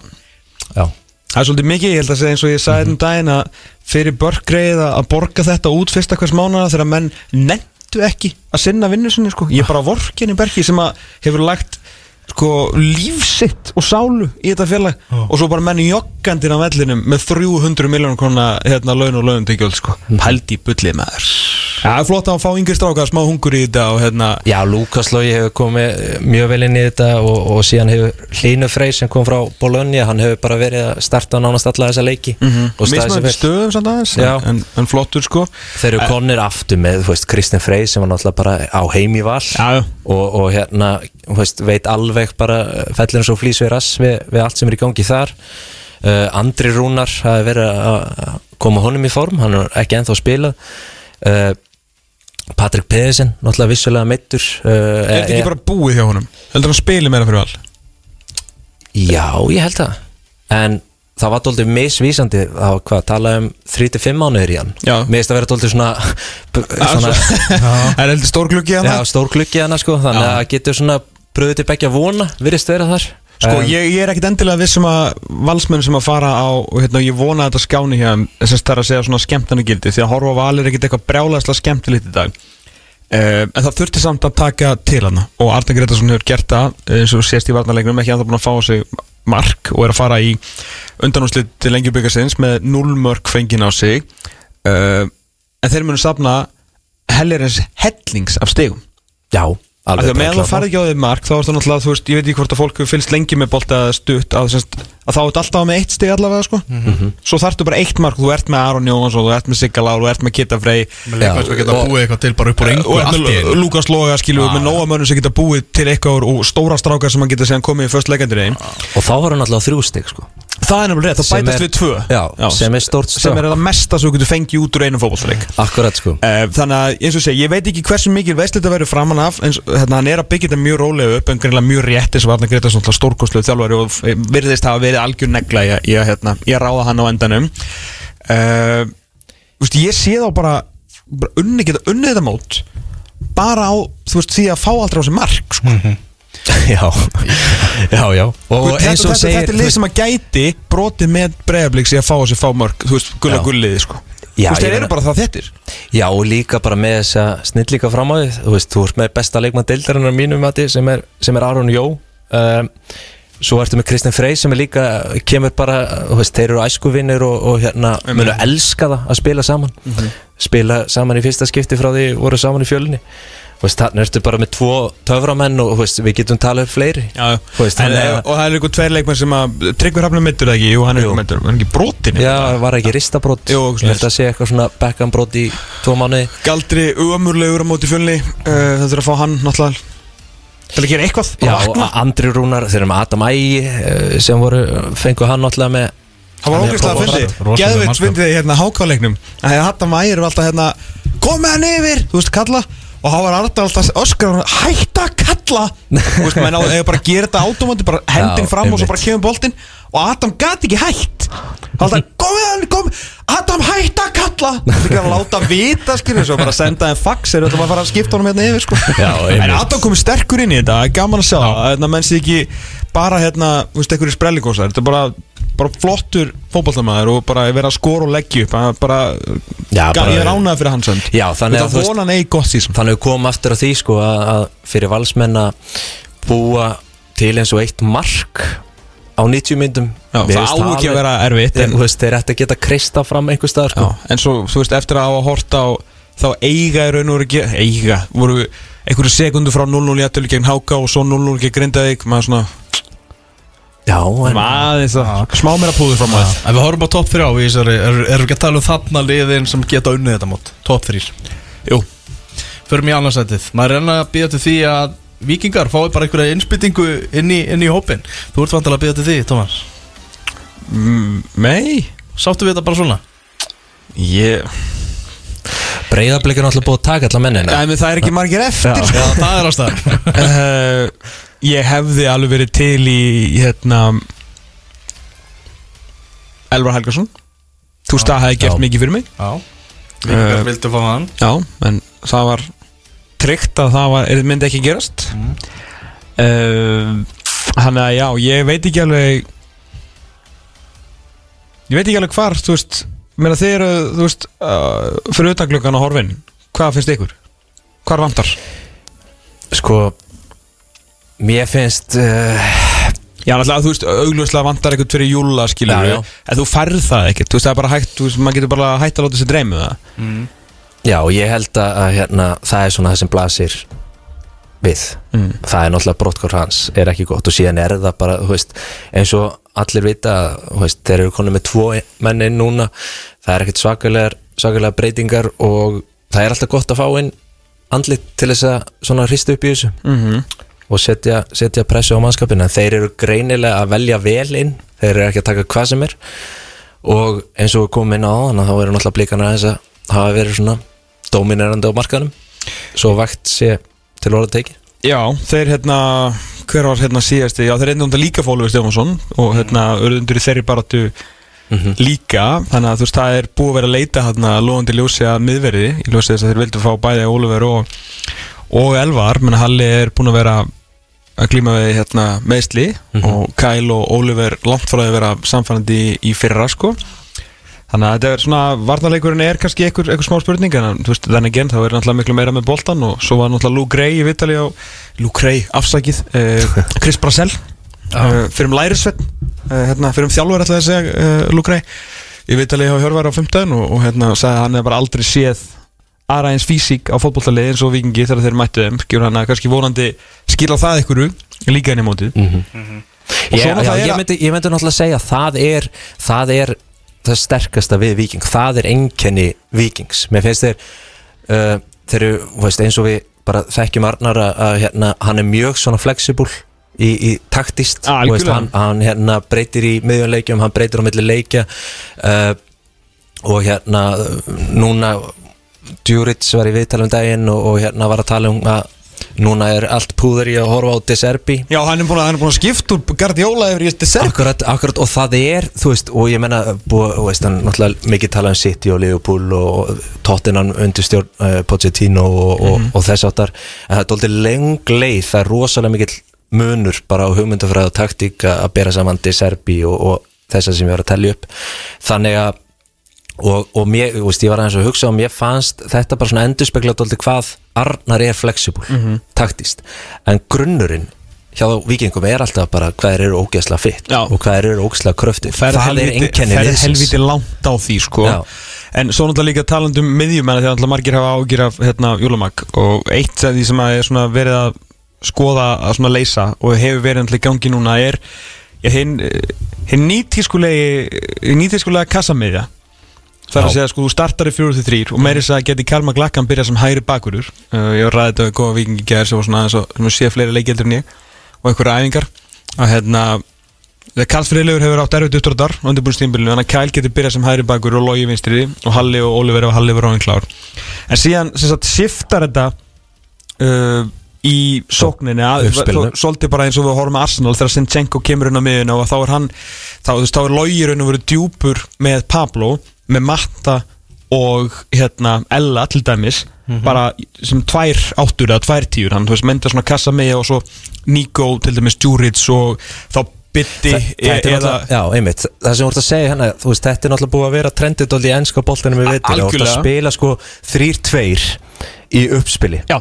Aftast, það ert að spila 3-2 uh, og Brighton náttúrulega eru náttúrulega snillingar í þessu Já, þeir eru sko með að horfa á. 2-2-2 Já. Þú veist, þeir eru búin að fara lengra í kassanum. Og, já, einmitt. Þeir eru alveg konur í réttinning Já, og hérna þetta er náttúrulega, þetta er ótrúlega skemmtilegt vegna þess að þann, þannig getur sko í uppspilinu þannig getur þau spila náttúrulega uh, markmið er að spila menn út þannig að spila um milli lína og, og, og hérna, komast upp öllin, síðan ertu alltaf með veist, menn í breyttinni hérna, hátt uppi til þess að, pinna niður bakverðin hjá hinuleginu og gera öllin einn stóran og getur. Þannig að ert að, þetta er ótrúlega skemmtilegt. Á sama tíma ertu að tryggja varnarleikin uh, og veist, það sem er kallað rest defense að, að þegar þú ert að spila sóknina mm. þú ert að undirbúa varnarleikin vegna þess að hvað gerist ef þú tapar boltan á, mið, á miðjun og hitlið allir skindusón þá ertu 3-2 uh, og ert vel koferaður á miðjunni. Þannig að þetta virkar í báðar áttir mjög skemmtileg uh, pæling, taktísk pæling og bara ég get ekki beð eftir að sjá hvernig það kemur út. Já, og svo bara, þú veist, geta menn alltaf dotti á rassin og fengi á sig mörg, skilur það er alltaf er hægt. Það er ennþá hægt, sko. Herru, det er en mål, det er en mål på Vitaly Stadium i, uh, i England. Philip Billing Já, Philip Billings. Sá er heitur um þessar myndir Philip Billing að skora fyrir uh, Bormóð gegn Liverpool eftir að Liverpool gjörsamlega búið að leggja inn í vítateg uh, Bormóð en uh, hér er það Virgil van Dijk sem er shit hvað hann er hægur maður. Guðminn almáttur Philip Billing skorar eftir sendingu inn á tegins ég sá ekki frá hverjum Bormóð 1 Liverpool 0 Herru, við verum yfir í toppsætið og En ótíma bara spáni. mjög slæmt að Ari Sigurpáls byrja ekki í mótið því að hann, er, hann var svona on track að vera topp 3 leikmæður í sér tilt Já, og getur það ennþá en hans verður sátt saknað. Það er klart nátt hversu lengi verður hann frá? Æ, ég, hvort að missi að finna gamla góða hrað, nei, Hraðmótið. er náttúrulega núna bara 20 leikir eða eitthvað. Bara allt ráðmátt Ja, alltaf, hvort að missa af april is Já, ok. Herru, það eru bara óbreytt topp fjórir í ótíma bara spáni hjá okkur. Í efsta sæti eru Blikar, ríkjandi Íslandsmestrar Blikar mættu sænskaliðinu Elsborg í æfingalegi í Portugal núna í vikunni. Sveitnarón Guðjónsson, fyrrum leikmaður Blikar kom Elsborg yfir í, í þeim leik. Elsborg kom sæðan í 2-0 áður en að Alexander Helgi Sigurðarsson klóraði bakkan fyrir Breiðarblik 2-1 Breiðarblik í ennþá búið að staðfesta eða tilkynum endur komu Alexanders hann, að, hann er alltaf með þeim hann úti í, í Portugal. Hvað er það? Er þá tíundi leikmaðurinn eða? Sem er komin? Talsveit rætt náttúrulega um það einmitt þennan stóra hóp blika og Alex Ferri Elísson hann byrjaði þennan leik á móti Elsborg þannig að það er alveg greinlegt að, að Óskar alltaf að gefa honum tækifæri á, að sanna sig og Eithor Völler sem var til umræði í síðasta þætti hann uh, gaf það skýrt til kynna á, á Twitter að hann myndi vera áfram með breyðabliki eftir að hafa verið orðað við lán. Á Háká hafði áhuga að fá hann skiljanlega þeim vantar innbyttingu fram á við. Jú, jú. en breyðabliki ætlar ekki að láta Eithor af hendi eins og staðan er núna. Skoraði annar mark blika á móti Brentford B fyrir viku síðan unnu 2-0 í, í þeimleik Já Einmitt, þetta Það kemur ekki móvart að blikar á, á topnum í spánu áfram. Nei, nei, það er náttúrulega bara uh, Það er ekkert annað hægt. Það er bara þannig. Nei, með þeir unnu móti með því líkum yfirbörum síðast og hafa ekkert gert nema nema, eh, ekkert gert nema styrkja sig. Missa náttúrulega tvo af þreymur bestu leikmennum mótsins. Eh, þannig að það er hérna Það er ákveðið missir. Það er mikil missir og byrjunarlið breyðabliks er klálega ekki af gott á, á síðustu leiktíð svona allavega á, á pappir það er ekki spurning en breytin en, teimur meiri. en aftur á móti, þegar maður skoður sko, sama tími fyrra, þá var maður ekkert að missa sig í degi Dan Ísaki Snæ alls ekki, alls að- ekki. það er náttúrulega stærsti styrkur styrkur hérna blika og veist, það er náttúrulega hvernig þjálfarinn á að virkja þessa menn sko. þannig að já, ég hef heyrt til dæmis að maður eins og Ágúst Orri sem kom frá Malmö mm kefti hann tilbaka bara uh, hérna var það ekki sá, ekki ságæði sem fór og kefti tilbaka fyrir sömu upp að hann fór út eða eitthvað álíka ég er hættur að muna nöfnum það- blikum þeir eru bara allir með sömu klippinguna og fara út og koma heim sko. Einmitt. þeir eru En- allir, allir bara góður í fótbolta Já, en ég hef heyrt mjög góða hlut um hann uh, hann sé svona skemmtilegur skemmtilegur og geti mögulega tekið við af, af þessum hérna Mér. Lógi hérna, Verdi Ferðarsson er náttúrulega bara, bara fyrsti maður á blað Einmitt. segja hérna gárungandir í Kópói sko. Einmitt. Anton Lógi Lúðuksson Þannig að að það geti verið, þú veist, næsti, Stef- næsti dag á dan Ste- Stefán Ingi er búin að ræða mörgum í veitur uh, þannig að þú veist ég þeir munu alltaf finna þessi, uh, þessi nýjunöp búið til nýjunöp ég held að, að það sé alveg ljóst Ekki spurning sko en að samanskapi þá er alveg hægt að þú veist það komir alveg rosalega óvart og með þetta svona langt frá einhvern veginn bara svona Óskar og Dóra það sem þeir eru að gera til dæmis að fara að sækja 32 ára gamla nei hérna færing Já. til færiða með að staða eitthvað svona mjög óblikalegt og uh, þannig að það er ekki bara hérna uh, þú veist þau er búin að gera ágætlega á markanum fá inn marga menn en ég er ekkert alveg viss um alla sem eru á þessu lista. Það einhver, einhverju detta út þarna að hann kemur að, að sömrunu En er Clement eitthvað svona hérna, UEFA greiðslu mál? Þú veist, er þetta eitthvað greiði eða? Nei, ég meina, þú veist, þú færð borgað fyrir að vera með leikmenn. Þú veist, hann meina, hann að það er búið, basically búið að lofa honum áframandi sætandi í færiska landsliðinu svo fremið sem hann spili ekki í færisku B-dildinni Já, Þannig ef hann heldur áfram þar Ég get ekki ímynda mér að launagreislu til hann sé eitthvað svimandi háar sko, þú eru haft það ágætt í, í Runavík sko uh, Já, ég bara skil ekki það sem ég var að reyna að koma inn á. Ég bara skil ekki hver er þörfin fyrir Óskar Hafn sem er nú krítisku maður og hérna og hérna var svona, já, gaggrinn uh, Af hverju að taka inn 32 ára gamlan færing? Þegar var það, það, það, ekki, það hefur ekki spurt hann. Það var ekki fínt að eitthvað myndi hérna, með mikrofón myndi, myndi spurja hann Nákvæmlega. Þetta er alveg, ég meina ef að einhver alveg geta alveg lofað því.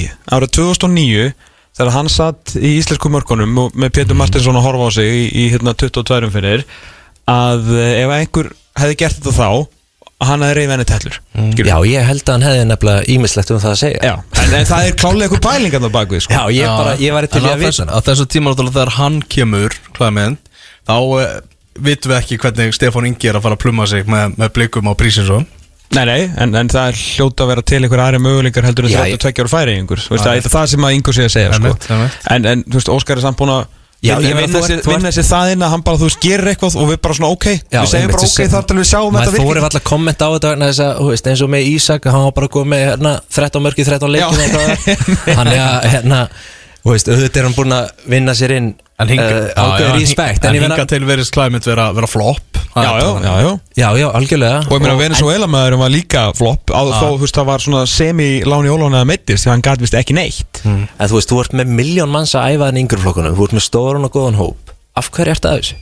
það er það sem ég spyr með það uh, En talandi um hérna, því að valsmenn fá nú Það var oft mikið talað um, um peningin eða þeim. En nú hérna var ég að rétta renni yfir hérna Rekstrareikning ásins 2022 hjá Breiðabliki Þetta er orðið þokkala batterið sko. Þeir, þeir voru með rekstratekjur Og náttúrulega ég held að þeir setja náttúrulega inn hérna uh, Skal ég þér segja Yngri flokkan inn í þetta líka. Þannig að allt fótbolta batterið á þeim var með tekjur Mm. upp á 902 miljónir króna árið 2022 og rekstra gjöld í öllu þjálfun leikmenn, yfirstjórn, búningar, allt saman upp á 746 miljónir, það er 156 miljónir konar hagnaður á rekstri knastbundildar breyðablíks eða bara breyðablík fótbolti. Mm vissulega eru ykkur 180 af því uh, gjöf frá uh, mannum sem, að- sem að fjall, fjall frá sko en þetta er uh, þetta eru þokkalegar upphæðir sem er verið að tala um sko Svo erum við bara að þykjast þeirri ykkur áhuga með sko. Já, en þeir eru alltaf með rosalega stóra yngri flokk og marga á launaskrá og fann Já, að þeir fáðu þetta mikið af æfingatekjum inn, skilur ég, og ég er ekki last, ég er bara að tala um hvað þetta er orðið mikið batteri, sko. Þeir eru orðið rosalega Svakalegt batteri, sko. Þannig er ótíma bara spáin uh, þessu, nei, síðast ótíma bara spáin fyrir tímabilið 2023 Það er- Áður en að kemur tímabær. Já, það kemur tíma bær og uh, Vikingar eru komin yfir gegn uh, Ariana Grande, FC, Nikola Hansen, 1-0 á Tyrklandi. Uh, Ariana Grande. Ariana FC í bétildalegi Svíþjóð sem að uh, er vist frækt fyrir að vera mesti fjölskyldu klúbuna þetta segist vera sem sagt uh, þeir eru skoðin varmasta fótbólklúb í, í Já. Skandinavia sem svona hjarta hlýjasti klúburinn Já, ok. Þannig að þeir vilja ekki vinna þetta. Nei. Það er hugulegt. Að þú hefur ekki okkur, Ingo Já, maður er vist fjölskyldu maður Já, fáum við smá aðeins um, um landslið Það var náttúrulega guður okkur. Já, það ekki? Jú, það er hérna Það er Bosnia Já. 20 og, og, Herzegovina Já, Bosnia og glegjum við þeim Já. ekki Hessikófinum Þetta hefur fallið doldinn í skuggan á umræðinu um hvort Albert Guðmundsson verið í liðinu eða ekki. Það er svolítið stóra. séu Axelu leikir það að er fara já, fram. heru, það er landsleikir. Hvað á Albert innið út? Já.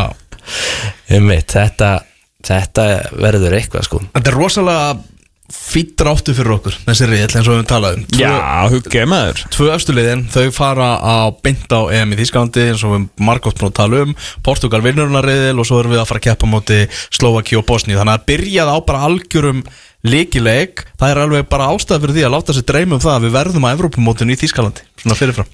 Sko, ég held með fullir vinningu er engin ástæði fyrir því að láta sér dreyma því að við höfum ekki unni fótballtaleik í tvö ár mm. eða kannski ef það segja þá gera eitthvað raunhæfar væntingar við lefum okkur að dreyma Já. en við eigum ekki að hafa neina raunhæfar væntingar fyrir þetta fótballtaleik sína okkur og þeir geta unnið eitthvað annað eldur en Líktinstein og nú er ekki verið leiðilur, Já, nú já. er bara vitnið það sem að hefur gerst Já. að því sögðu, Aron Einar, Jói Berg, Alfred Fimboa ekki amalegt að fá þessa menn aftur inn í fótballtaliði sko. það, það er kannski það stóra í þessu Aron Einar reyndar í banni í Bosníu Já, ok uh, En samt að hann sé komin aftur hann inn sem og Jói Berga að spila vel og, heyrðu, allt í hennu eru bara eru með framherja.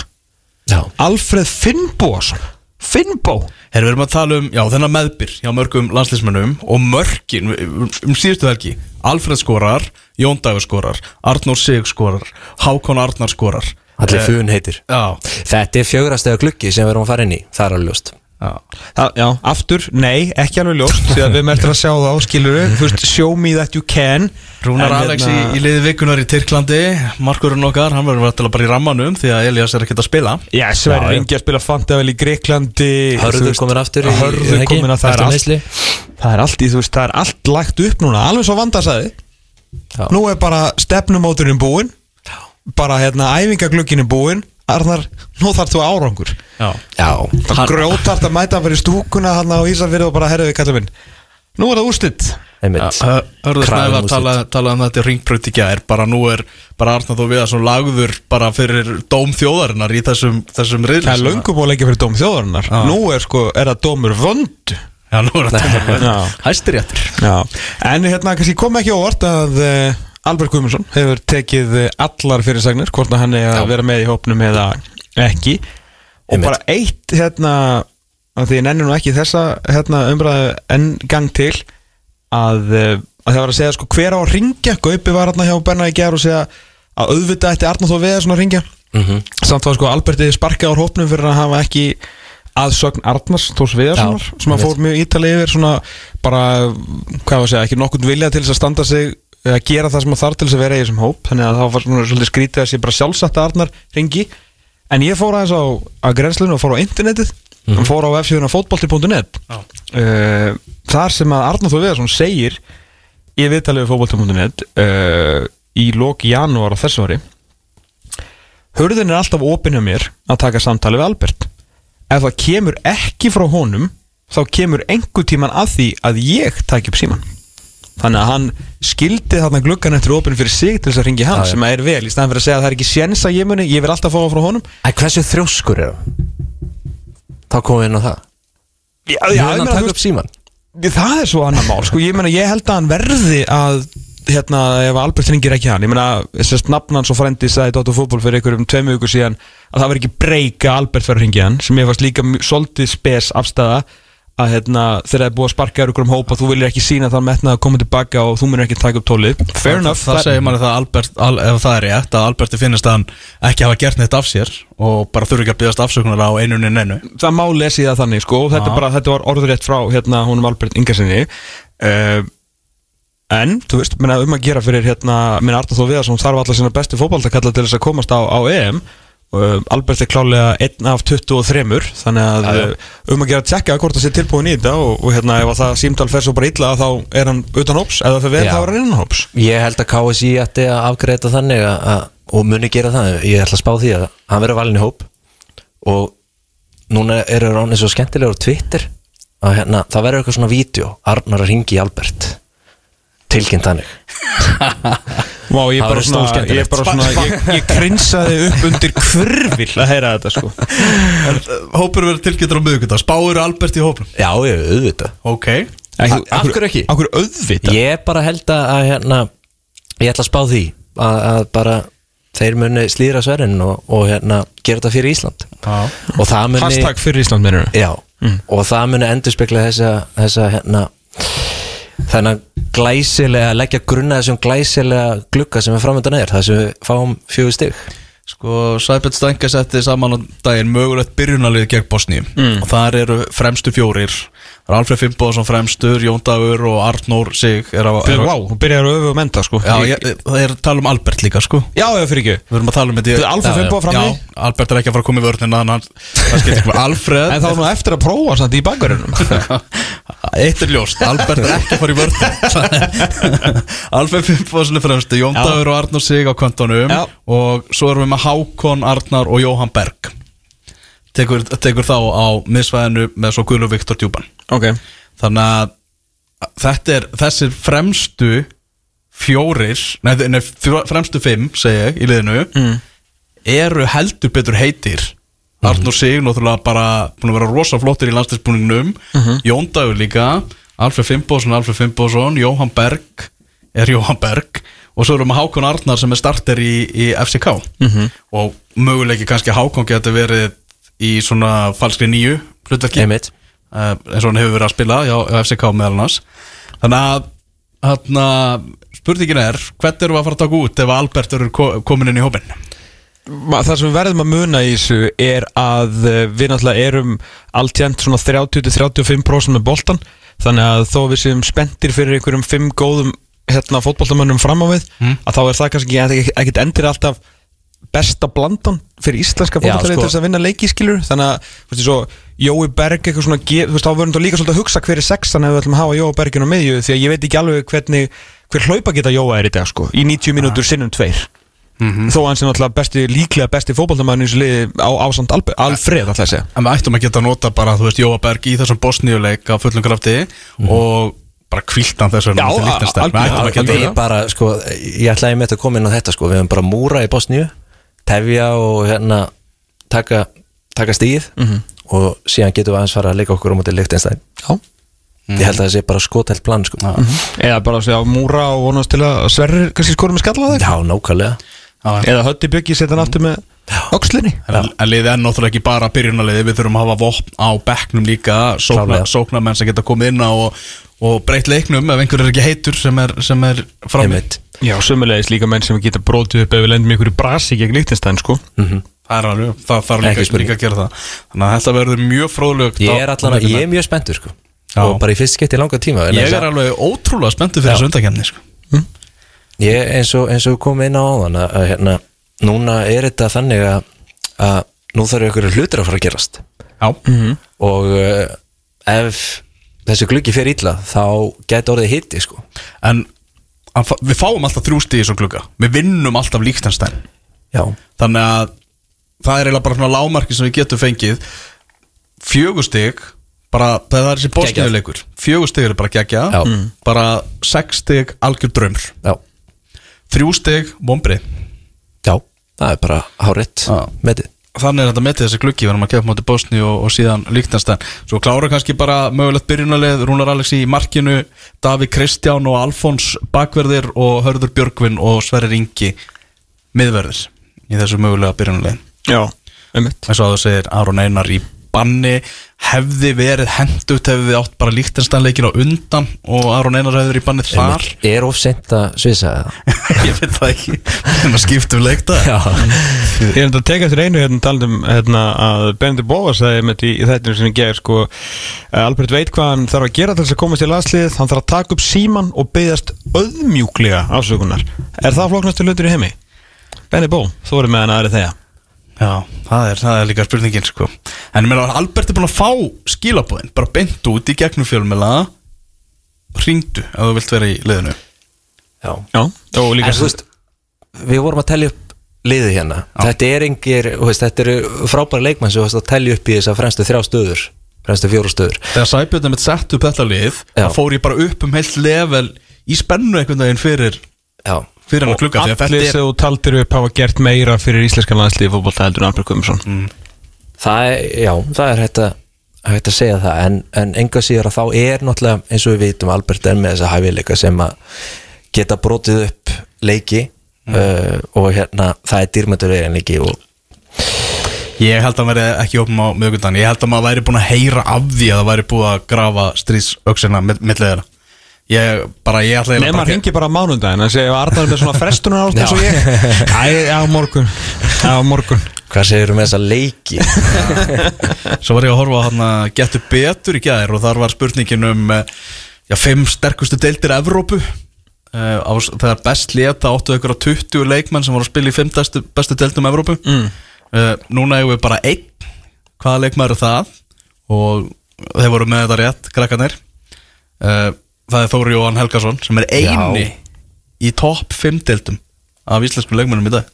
Er ekki neitt annar hann í Ítalíu? Er þetta allt betaldaklúpar eða? Já, eftir að Mikael Egil fór úr, fór úr deildinni þá er, þá er Þórir Jóhann einn eftir. Og þú varst ekki einu sinni með hann í byrjunliðinu Eða stangir segi ég. Já, stængar ekki eins og manni mögulegu byrjar að segja. Já, er á leiðinni. Já, Jói Berger er, er á leiðinni þarna og, og Albert er á leiðinni. Albert Guðmunds. Já, Er hann ekki í Já, já, upp mennur upp, Já, já, já, já, já, já, já, ættum að eiga fleiri á næsta strax konar í þrjá. Já, strax konur í þrjá. Já, ég meina ef að Salzburg er byrjað að hérna, byrja viðnar í Hákon Arnar að, hérna, að þá hljóta nú stærri klúpar þú veist, ef að Salzburg gerir eitthvað, þú veist, þá kannski fatta liðin að kaupa hann áður hana fyrir Salzburg Einmitt. til að þurfa ekki að kaupa hann á 60 miljónir pund á þaðan. En Ísak, okkar maður Já. Vonastjarna Já. eigum hann líka inni? Hann Já, bara, hann hvað bara, er í gangi þar? veit það ekki. Já, Það það- er það- bara fristikista Við rættum þetta aðeins í, í síðasta þætti og það er bara engin önnur skýring nema að hann er bara mjög íhaldsamur þjálfarið þeirra hjá, hjá, hjá FCK og hann er ekki að gera mikla breytingar og Ísak er ekki inn í myndin eins og, eins og staðan er. Nei, það eru tvei leikmenn sem þurfa að finna sér nýlið að þið verist uh, ansið fljótt. Ef allan ekki eitthvað fyrir að breytast. Uh, Elias Rafn Ólafsson. Uh, þetta mitt í Jólanda hefur verið spúið til miður mm. að uh, trúðurinn er komin aftur hann í markið og búin að fá nýjan samning og uh, Ísak Bergman verist bara ekki vera í ykkur svona stærri plönum hjá FCK sko. mm.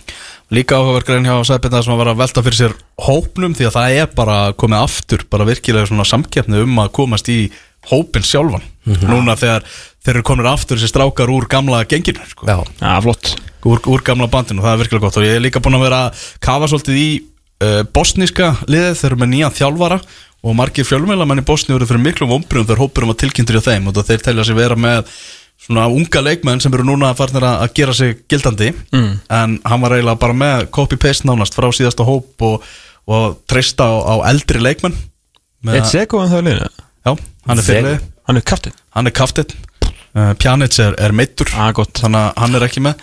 Uh, Hver eru fleiri frá Bosníu og Herzegovinu? Sem, sem eru þarna. Já, Uh, þekki maður einhvern veginn? Njá, svona, þetta eru stærstu nöfnin sko. það, það er varnamaður sem eru með sem er í Sheffield United núna sem er að gera góða hluti í Championship-deildinni Hafsend, ungur Hafsend sem er bara búin að vera eitt besti varnamaður Championship-deildarinnar Já. og Alan Shearer var að rósa honum um daginn og sagði að það væri bara algjörum Premier League standard. Og ef að Sheffield United myndi klúraði að fara upp er það ansett alltaf í Premier League þessi, þessi gæi. Þetta eru leikmenn frá uh, Augsburg, Inter, það er náttúrulega Sego uh, Róma, Strasburg fyrir var og standa Já, þetta er svona, þetta er ekkert eitthvað svona eitthvað sturlað, en gott fótballtalið góð fótballtaþjóð það er ímsir svona það er vist mikil svona dramatík og, og margar ásakanar um spillingu bak við tjöldina séu hinn og þessar umbósmenn sem er að ráða því hver eru valdir í hópin Já. Þetta er það ekki að sama á Íslandi? Já, það er svak, svakaleg dramatík í, í Bosníu. Já, og fyrir það sem er að pæli að fara á leikin ekki gera það Okkur ekki Varst ekki að segja mig hvað er að spila? Jú, Ég ætla að melda samt. Nei, ég er að meina sem allar sem stuðningsmenn sem verða ekki í einhverju bublu, sko. Já, ég held að miðasal að byrja á mánudaginn og það verður uh, það er takmarkar miðafjöld í bóði það er voru með einhver læti þessar áhörundur Já, þetta er bara þú- versta borg í Evrópu.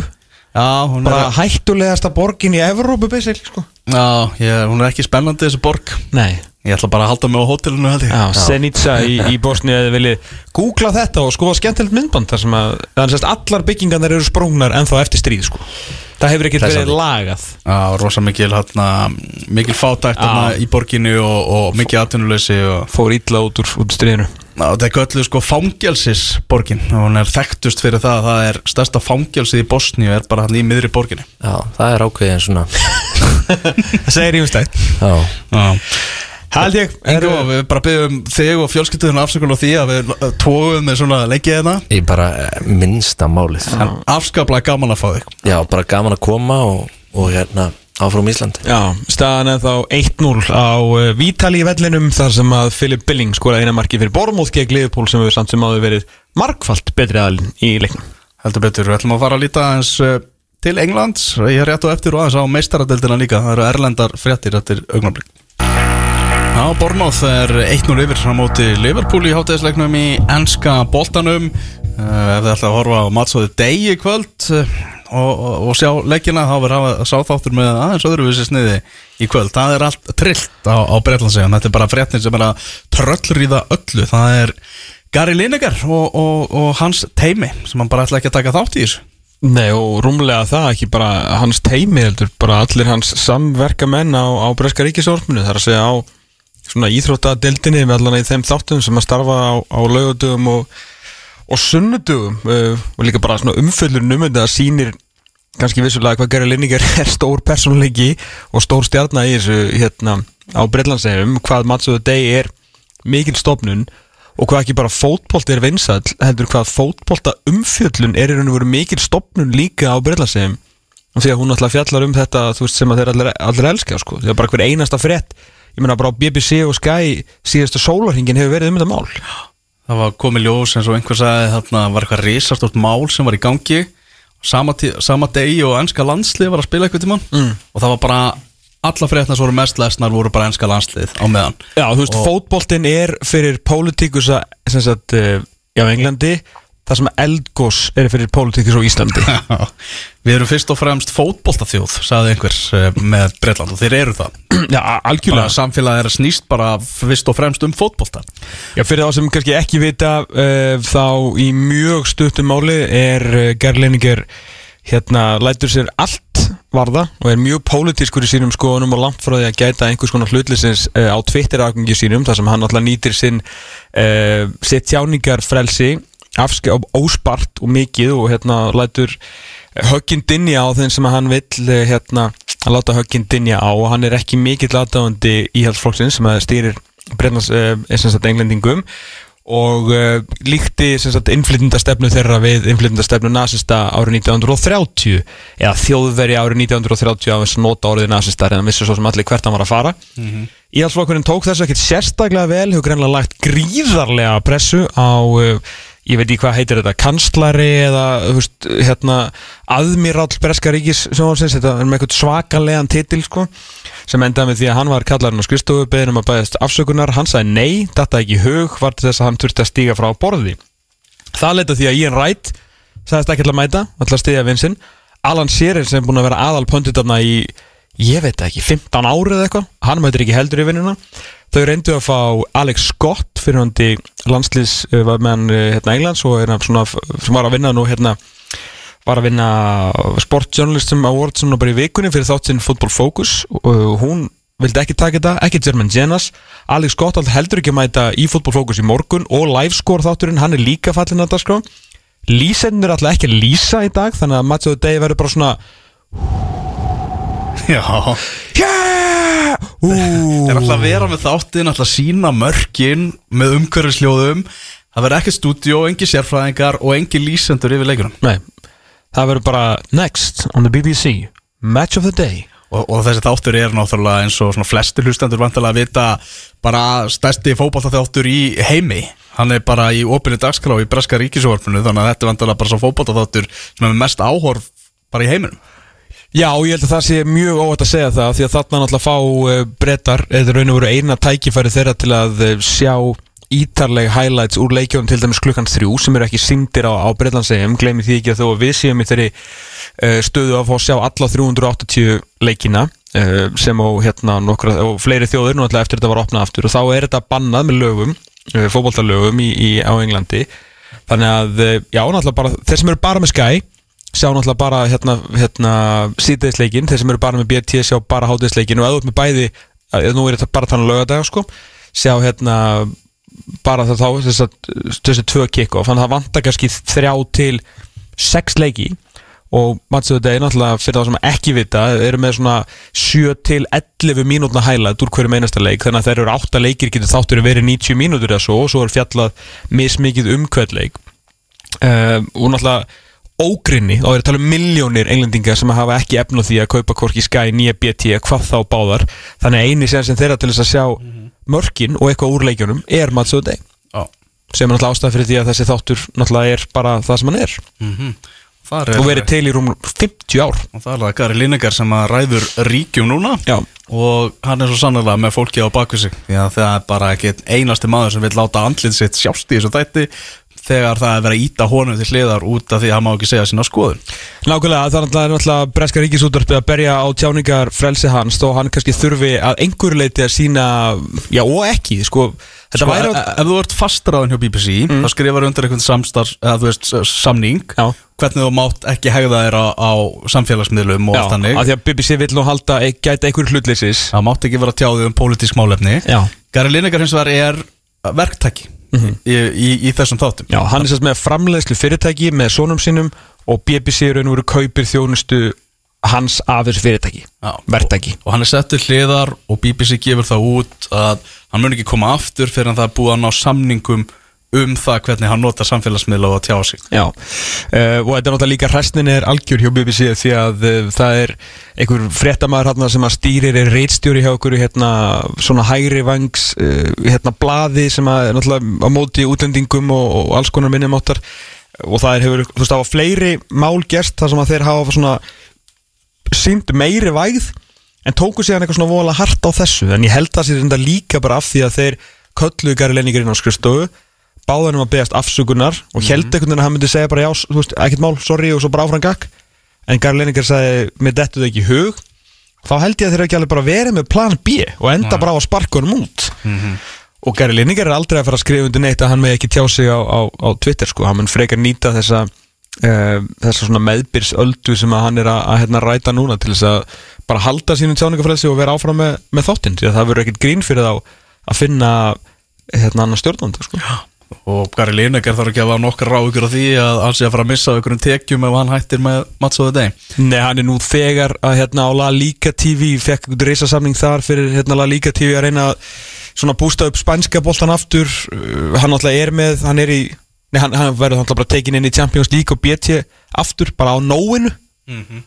Og það mun bara sparka hérna honum sem er þar út bara eins og skot og ef að ég harpakka slæðir einstaklega, einstaklega góðu sjómasmaður afskaplega, afskaplega og náttúrulega ekkert eðlilega mikið eðlilega mikla vikt að hafa verið það sá leikmaður sem hann var skilur fyrir utan að vera náttúrulega mjög fær sjónsmaður í dag og nittinn og skemmtilegur og það er bara með allan pakkan ja, hann er með allar pakkan það er þannig. Hvað er hann að gerast í hann er ennska bara svo vondu formi, það er að vestan hann. Glæsilegur. Heyrðu, Við erum að tala um það að það eru fjóri leikir sem verða klukkan þrjú Everton Brentford, Leeds Brighton, Leicester Chelsea og Tottenham Nottingham Forest. Herri, ég með spurningu fyrir þig. Já. af því að eh, Brentford er það fótballtalið sem er eh, ég held að sé bara eitthvað tvö lið í Evrópu í dag sem eru ósigruð á árinu 2023 Já, Það er gerast, já. Brentford er eitt af þeim. Já, og Thomas Frank, minn maður já. uh, Hann er með rosalega hérna, umbósmann Hann alltaf þegar losnar eitthvað starf Mm. Eða er eitthvað starf að losna á Englandi mm. Kemur alltaf lafnið á Thomas Frank. Er það ekki bara mjög eðlilegt eða? Það sem hann er búin að gera við þetta fótballtalið Gera frábæra hluti. Herru, þú ert með Tottenham í dag. Já, og hérna Conte fer. Já. Teguru Frank, De Serbi eða Rodgers? Sko ég er náttúrulega er Brighton maður. Þannig að Jú, jú, jú. ég, ég, vil hald, ég vil halda til Serbi. Ok, en ég tala um þú ert Daniel Levy sko. Þannig að þú ert ekki með tengsl í Brighton. Ég með taka til Serbi. Frekar en, en Thomas Frank Já, þú veist, hrifin að þeim báðum. Mm. Ég er eiginlega bara bálskotin í þetta Serbi, sko. Það er, það er eiginlega þannig. Þannig á Brentford ósýr árinu 2023 Ásamt, uh, hvað Borussia Dortmund Sem að það, það breytist. Nei, betur, Já, já, í deild Í deild sko. Já, Í deild. Í deild Já, já, já, Borussia Dortmund. Og hvert var þriðarlega Ég maður það ekki. Ég maður bara það voru mín lið Brentford og, og Dortmund sko. Já, nákvæmlega Svo búin að gera, já, bísna, bísna góða hluti. Herru, Tottenham uh, Hotspur úr leiki í Champions League uh, heldur betur ekki. er, er, Það voru, jú, náttúrulega frak, frakkarnir Vinnur okkar, Reims. Já, með Vil Still. Vil Still. Já. Það var þriðarlega Það var þriðalið Já, Hann verður komin í, í Championship bara að nú veist af sko og Will Still. já Herru, Tottenham tapaði fyrir AC Milan þeir mæta Nottingham Forest í, í dag Spurning hvort þeir fá okkur aðstóð núna frá Bormóð í þessari baratu um, Champions League þó ég held að nú Liverpool einu og endur nú eftir að skora svona þrjú til fjögur mörki í þessum leik. Slíkur er, uh, slíkur er ágangur þeirra við markið. Leicester Chelsea líka stórleikur auðvitað fyrir uh, Graham Potter. Er partíð hjá Graham Potter maður. Núna síðustu tveir leikir sko. Já, vinna tvo fótballleiki Vinna tvo fótballleiki og eftir að það var slegið út Borussia Dortmund þannig að fá bara Todd Bowley. Sástu, sástu hann í göngunum eftir leik? Nei. Heru, Hann kom bara með púp niður sko. Ha? Með bara eitt kaldan í gleri Todd Bowley. Bara var hann að hress og Það þurfti ekki meira? heils upp á Graham Potter og allt sko. Aðeins að sí- sína þetta er hans maður. Og við geðum vitt En hefur, morgundagarn er endar geggjaður því að uh, Arsenal fær svona alvöru bananahýðisleik á uh, Craven Cottage. Fólumliði sem búið að vera svo hrikalega öflugt og sérstaklega heimavalli tekur um þetta Arsenal og sama tíma Manchester United Southampton. Sá leikur átt að vera í dag en var færður vegna þáttöku United í Evrópudeldinni sem var svo sem líka eina frettum vikunar því að Erik Den Haag tók Góla Kristjáns á þetta stilt upp sama liðinu og tapaði illa og þeir svöruðu með að vinna eh, Real Betis með uh, Joaquín 41 árs gamlan ennþá í, í liðinu. Er þannig að Betis má ekki spila fótbolta á þess að Joaquín sé í hópið Já, er það orðnar eitthvað júafreglur bara komin að reglur Já, það er ok, ég skil bara, það. bara samþykkt. Herru, þeir voru bara fyrir utan eitt sem fengi á sig afskaplega samfærandi á fundin Það var bara algjör draumur fyrir Den Haag bara hvernig þetta spilaðist að Wout Weghorst sem að gatt ekkert í þessum Liverpool-leik hann er að skora. Mm. Antoni sem gæt minna en ekki neitt hann skoraði mjög fallet mark. Já, já, og Bruno Fernandes sem var að kalla, kalla eftir því að bara bandið er tekið af honum hann bara var algjör leiðtói og stýrði öllu á miðsvæðinu. Mm Já, þetta var, þetta var mjög gott svar og nú þurfum við að endur taka það. Þú veist ef að, það er svolítið sann skemmtilegt ef að minn maður, JVP James Ward Prowse ef hann myndi jafna með Becks á Old Trafford. Já, Það er skemmtilegt. Já, það er að segja Það er nefnilega að segja sko. Er hann ekki ennþá einu uh, frá því, hann á eftir tvær til þess að ná myndinu Mm. Já. Og svo uh, Newcastle Ulfarnir 0-0 síðtegis á, á morgun sko. Ekki ólíkleg Já, etna Meistaradeltin í, í vikunni. PSG fjall út á móti bæjarmenn hérna og það mjög sannfærandi. Shit, hvað er hann þetta að PSG? klassa munurinn rosalegur. Eh, þú veist PSG er að færast fjær því að vinna meistaradelt Európu Já, er, liðið sem er sett saman til þess að vinna mestaradeild Európu Já, það er skiljanlegt að stuðnings með PSG óttist að að Katararnir séu að reyna að kaupa núna Manchester United Mhm. og munir síðan bara einhvern veginn hætta að mæta til Parísar Ég meina, er þetta bara ekki bara búið? Jú Ég, ég svo sem veit ekki hvernig efnahagsreikningurinn er hjá þeim ef þetta er ennþá að skila einhverjum trilltum tekjum í, í treyjusölu og þetta borgir sig og þeir sjá áfram fram á það að þetta sé gott fyrir hérna fyrir kvítþóttin og samstarfið frakkana með einhverjar orustuvilar og bla bla bla skilur ég veit ekkit hvað er hérna bak við tjöldin. En sko fótbollalega er þetta búið. Ég meðan þú getur, þú veist, það er ekkert merkilegt að vinna fransku deildin eða franska byggarinn eða franska lengjubyggarinn með þessu liði. Og þegar þú ert ekki svona nálægt í lengur að vinna Champions League að þú veist, þá bara who gives a shit, sko. Ég held að vera Owen Hargreff sem sagði að þeir ættu bara að byrja á núlpunkti og benda það að það út um alla Evrópu eru ungir franski leikmenn að fara gjössanlega á kostum. Bara frábær ungir franski leikmenn. Af hverju eru þessi leikmenn ekki í PSG Já, þetta er, er sam og Thierry Henry var að segja á CBS hérna League í vikunni. Já. að því að málið er fyrir þá sem ekki vita að þá er sem sagt franska sem sagt svona landslýssystemið eh, er hérna, sem nei fyrir ekki, sem ég ætla að segja sem hérna í París, mm. reisastór borg og rosalega mikið af hérna útkverfum, útkverfin heita Le Banlieue sem að þýðir útkverfi og þarna úr þessum útkverfum eru þú veist Paul Pogba, Kylian Mbappe þú veist bara, ég get að talið endalust þetta var náttúrulega halmingurinn að liðinu að háum þeir eru heimsmeistarar eru allir úr þessum útkverfum allt í kringum Paris Saint-Germain í borginni eru ungir og uppröðandi fótboltastrákar sem að alast upp við það að dyrka og dá Paris Saint-Germain það væri svo ógeðslega auðvilt fyrir þá að stapp fylla liðið af þessum strákum sem að síðan er ekkert bara í þessu liðið þegar að tókstu því að Kingsley Coman fagnaði ekki það því er Henry var að benda á það. Já, hann er Parísar fan sko. Já, hann er úr Le Banlieue Þú veist, hann dyrkar þetta, þú af hverju er hann ekki Paris Saint-Germain af hverju var að ná í alla nema þessa stráka, skilur þú veist, það er ekkert identity. Og Henry var líka að segja það að hérna að stuðnismenn Paris Saint-Germain þeir eru ekkert ennþá búin að ná einhverju svona, þú veist, jú, jú, gaman að vinna einhverju á titla. Þeir eru ekkert eitthvað að brenna fyrir þetta eins og gerðu, þú veist, áður en að Arabatni komu. Þú veist, að þetta er ekkert þeirra, batur þannig að, þú veist, auðvitað má segja að það sé líka einhver, þú veist, eitthvað vannþaklæti í því og eitthvað, en með þeir eru bara vanir því að vera bara með, þú veist, sína stráka. Menna, nóg er af fótballtastrákum í gó- þú veist, í, besta landsliði heims núna bara í mörg ár þannig að, já komust einu sinni, það var einu sinni komist í, í úrslita leikin já, það var ekki COVID-mótið. Það var COVID-mótið tómum stúkum og, það er eins og að segja leikir sem vunni NBA, þú veist, í COVID í bublunni, þú veist, það telur ekki, sko. Tómas Túkel sem að var þá við stjórnvölinn og eitthvað sögur um það að hann getur bara snúið aftur. Þannig að PSG vilja bara fá hann aftur. En já, þetta er aðeins að, að, að færast þarna áfram með söluferlið á Manchester United og tala um það núna í, í þessari viku sem er að fara að byrja að þá séu þeir að fara á leiðinni í, í, á kynningarfund. Mm. uh, það er að segja uh, Sir Jim Ratcliffe og svo Sheikh Yassim frá, frá Qatar fara að mæta Old Trafford, fá kynningafund um svona möguleikana á því að auka tekjur Manchester United og stækka á enn frekar.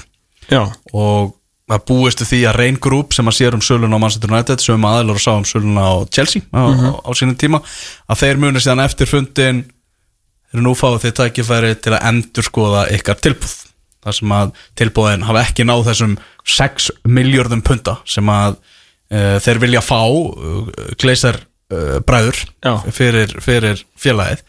Þannig að þeir eru að vonast eftir því að það verði eitthvað tjúnað upp. En svo er náttúrulega líka er þarna þessi fjár, þetta fjárfestingafyrirtæki Elliot heitir það, bandaríska sem átti AC Milan á sínum tíma sem eru tilbúin að koma inn sem fjárfestar inn í félagið en ekki, allar sér ekki að eignast meiri hluta í félaginu mm. og þeir eru voru á þessum leika á 50 daginn fulltrúar þeirra og þetta þykir svolítið svona að renna stóðum undir það er sögursagnir að mögulega verði gleisararnir áfram í bara eigendur félagsins en fáinn nýja fjárfesta inn í, inn í hópin já og þessi Elliot að, uh, þetta Elliot fyrirtæki hefur líka áhuga því að koma inn með Jim Ratcliffe eða einhverjum sko. bara til að auka, en frekar sko. og með því að fá gleisararnir getur hugsa með því að fá Elliot inn þá getur við endur bætt Old Trafford og Carrington æfingarsvæð Þannig að stundismenn Manchester United í Manchester, svona þeir sem að eru í ringiðinni upplifa ekki draumin sinna losna við gleisafækka það er bara ennþá, ennþá alveg möguleik á því. Já, þetta er, er magnað. Ná, eða svo er náttúrulega setnileikur inn á um, hjá Liverpool og Real núna í vikunni Real Madrid, Liverpool á miðugudaginn Ég, ég var á sunnundaginn á Anfield var ég bara, hérna, herru, þeir eru bara að fara að vinna Real 4-0 sko Já, En nú er 60 minnur á klukkunni og þeir eru 1-0 undir gegn Bormóð og þá er ég aftur svona, nei, líklega ekki. Já. Maður veit ekki Og Bormóð með þessi sókninu núna. Já, þeir Þeir eru bara, hvað eru fjölmennir þeir eru bara að vera bara flottir sko. Já, þetta er Úslitin oft á tíðum í þessari, þessari deilt erum við bara hreinlega mögnuð. Já, en ég get lofa ykkur, ég get lofa ykkur einu þá var það að Liverpool er að fara að vinna en að fókvalla lík Bóttið þú því? Já. Já, það er það er, það er spenna það er spenna í þessu. Heyrðu, já. Hvernig, er- hvernig líst þér á þetta annars? Bara almennt eða? Já, almennt, bara lífið og, og tilveruna Bara þokkarlegur sko. Er svolítið skrítið að sé að byrja hérna fótboltamót uh, eftir hérna eftir 30 dag já. Ég veit ekki, þú veist hvað verða að spila margir leikir núna alvar, fyrir uh, fyrsta landsleiskluka Ertu maður að tellja það eitthvað? Uh, Því að gamla góða hraðmóti var alltaf svona 5 til 6 umfyrir Já, hvernig er landslið 2? uh, en ekki júni alltaf Jú, það er 17. júni klukkin hann þar sem að Ronaldo geti spilað sem 200. landsleik og allt það Ég skal segja það alveg hér Já, að fyrri hlutin í fyrri hluta mótsins klárast fyrir fyrir landsleikluka það er heldur betur magnað síðasta umferðin er skráð 10. og 11. júni sem er uh, með 11. umferðin í deildinni svo kemur landsleikfrið Já, sko, fyrstu fjórar umferðarnar eru allar spilaðar í apríl Byrja, byrja 10. apríl og þegar apríl verður liðin þá verður það fjórar búnar, um, umferðir búnar í bestildinni Það verður bara komið mynd á þetta sko. hraðmótið er núna bara um páskana Já, það, er búin að hérna Þetta er, þetta er heldur betur eitthvað maður. Já, hvernig átti að vera hann að káa valur leikurinn? Hmm. sem að voru búin að spá 0-0 uh, ég maður ekki. Já, þetta er sko annar í páskum, þá byrjar þetta. Mm klukkan 2 er breyðarblik HK og KA-KR klukkan 5 er Valur IPVAF og Fylgir Keflavík og svo klukkan 19.15 er Stjarnan Víkingur og Fram FA ok, ok En það sem er náttúrulega næst í þessu er náttúrulega undanústutin í lengjubíkarnum þar sem að Víkingur og Valur mætast annars vegar mm. og síðan eh, K.A. og breyðablikið í BF þannig Já. að eh, var náttúrulega verið svolítið áhugavert að sjá verið gaman líka að sjá Víkingur Valur sko. það getur orðið, orðið leikur sko. Já, það voru við með ótíma, ótíma bara spána hérna um síðustu áðan og þetta eru sko ef að blikandi vinna í BF og þá eru fjögur eftir liðin í ótefnbjörnspanni hérna að fara að mætast í úslutum undanúslu lengjubíkarsins Já, það er skemmtilegt. Það eru fleiri frétti frá Breitlandi Jeremy Defoe uh, var að uh, tilkynna að hann verður ekki í matsuðu degi 2 á morgun. Þannig að það er að fjara undan uh, MOTD 2 líka Þetta er hver og, og svo, svo er sko fólk sem að hérna svona geti mögulega fengi kallið og fengi símtalið. Þeir eru búin að vera undan símtalinu og segja bara ég á ekki að vera í þættinum á morgun en ef ég fær símtalið þá mun ég segja nei. Já, og það er enginn sem vil hérna, einhvern veginn mæta og hérna, vera svona einhver verkfallsbrótur og reyna að stela starfinu af Gary Lineker því að það er ekki telt í sérstaklega skemmtilegt að byrja einhverju giggi í algjöru mínus. Nei, það er ekki þannig að það er einhver sem er að detta það í hug. Já, erum við að dæma Mourinho í tveggjarleikja bann. Já, Hann er heldur áfram að láta til sín taka. Þau gröitt spjald er að Róma tapaði gegn Cremonese á dögunum og var að rífast þarna við fjórðadómara Marco Serra og raunaði eitthvað þarna yfir hann. Mm. Hefur veist þú líka leikmenn og þjálfarar mun ekki tala við BBC eftir leik en ég veit að þetta er ekki við hverja þeir ætti að tala þar sem að lýsendunir verði ekki á vellinum. Já, tala bara eitthvað út í, út í tómið Já, þeir ætla að taka afstöðu og tala bara ekki veist, ætla bara alltaf að hætta að horfa á BBC? Ég veit ekki hvað það endar sko. Nei, þetta verður að Heldur, heldur að Gary Lineker muni vera bara aftur með, einn- með Matsu þetta Heldur eða er þetta bara upp á endalókunum? Ég bara þekki ekki innviði og efri stjórn hérna, BBC-nu og veldrins að svara þessu því ég veit að hann mun ekki beðast afsökunar. Nei og hann mun aldrei já, veist, það, það kemur mér mjög verulega óvart með að hvað hann er e, nýtið þjáningafræðis sitt gríðarlega mikið á Twitter að hann myndi hérna, skrifa undir einhvern samning þess efnis að láta múlbunda sig Eh, það þetta er mér verulega ólíkt e, Gary Lineker með það sem er bara veist, þekkir hann á samfélagsmeilum mm -hmm. Uh, þannig að hvort að þetta snýst bara um þess að kalla sig þekki sem að stýra BBC hvort að þeir hérna viljið taka höggið á sig að reyna að finna nýjan, hérna, nýja stjórnendur í the Day, vantilega 1 og 2 og þú veist, 20 nýja pönduta Já, þú veist, meina, vinnur fólkið að vinna þeir? Þú veist, eða vinnur, hérna, Torres í helflokkurinn, það, það er bara spurningin í þessu. Ég meina, get ekki svaraði nei.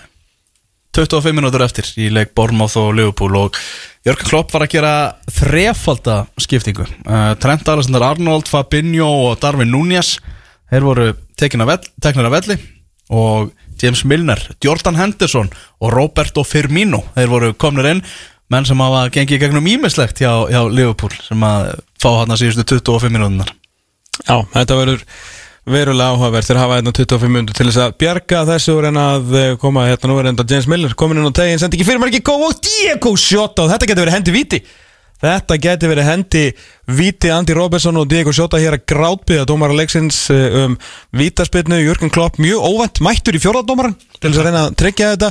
Sendi ekki inn á tegin frá James Miller, Koti Gagbo missir á hann Diego Shota skallar aftur í Ú, bob, bob, bob, þetta er samt ofstuttu færið ekki? Þetta er rosalega stuttfæri rosalega stuttfæri. En strákarnir í Stockley Park eru að skoða þetta.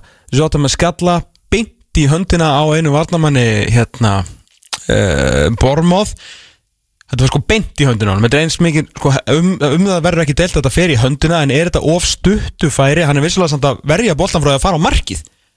Já, Hérna myndi ég vilja víti ef þetta verður vikingur sko. Já.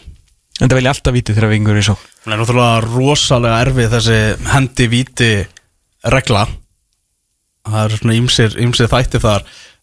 Við taka sér nægan tíma til þess að skoða þetta. Dómarinn dændi bara hornspyrnu Þetta fer alveg Hann á að fara í skjáin sjálfur sem að þið vitið, ekki? Jó, það er oftast víti að því þið vantilega viti. Hver er að dæma þetta? Þú þekkir alla dómarinn í svon Æ, ég man ekki hvað hann heitir þessi. Hann er lélugur allavega. Herru, dómarinn Varsjár dómarinn segir Dómar að leiksins hér að fara í skjáin þar sem hann sér að boltin Þetta er John Brooks. Þetta er John Brooks. Sér uh, þetta fyrir augljóslega í höndina. Nú þurfar bara að ákveða hvort að þetta sé af óstuttu færi Hvort hann hafi getað beitt höndin eitthvað öðruvísi. Annars er Leifupól að fara að fá víta spilni hér. John Brooks er búinn að kíkja á skjáin Merkið og viti Já. Það er viti Leopold að fá víti hér á, á 68 myndur komnar á, á klökkuna Þannig að við fylgjum þessu víti eftir Áður en við segjum þetta gott úr fiskabúrunu í dag. Já. Uh, Við munum náttúrulega þess að síðustu þætti núna fyrir mót þá munum við hitta vel upp fyrir eh, bestu deildina. Munum kannski svona aðalega einbytt okkur svona að þessum efstu fjórum liðum Já, en, á, á síðustu vikunum fyrir mót. Já, svo náttúrulega stór landslistáttur náttúrulega í næstu tvær vikurinn úr fara yfir hópin og síðan úslitinn og, Já, og því um líkt. Mm. þú náttúrulega verður á, á staðnum missið vantilega einu þetta ekki? Jú. Já. Herðu, Mo Salah, en ekki hver 129 mörg í Premier League. Komin yfir Robbie Fowler, markaðasti leikmaður Liverpool í ennsku úrvalstildinni frá stofnu hennar 1992 Hann fer á vítapunktin Netto til Varnar. Ég, ég man ekki eftir því að ég séð Mo Salah nokkuð tíma klúra vítaspinnu Markið verður skráð á 69. mínútu. Sala í alhlaupinu Netto til Varnar. Sala snöðu setur að framhjá maður. Ég út af mía Ha? Þetta var svo 12 metra framhjá og Jörga Klopp, hann huldi andlit sitt bara þegar hann kom í nærmynd Hann hefur bara haldið að hann væri dottin inn í eitthvað Bizarro World Herru Sala setur þetta Shit hvað þetta er langt framhjá maður. Hann setur Netto í kollrán tótnátt að setja hann í eiginlega skeitin vinstramegin en boltinn er frábært sjónurhóðin hér, já, jú, þetta er góða, góða meter framhjá markinu. Á, Staðan því ennþá, Bormóð 1, Liverpool 0 Herru, takk hjálpa fyrir okkur í dag. Við fórum með Rótsimber spána með Ingo Sig. Við fórum sér nefnir fréttir, vikunar, veit ekki hvað og hvað Við verðum með þetta 6 dag og 22 tíma þangar til, við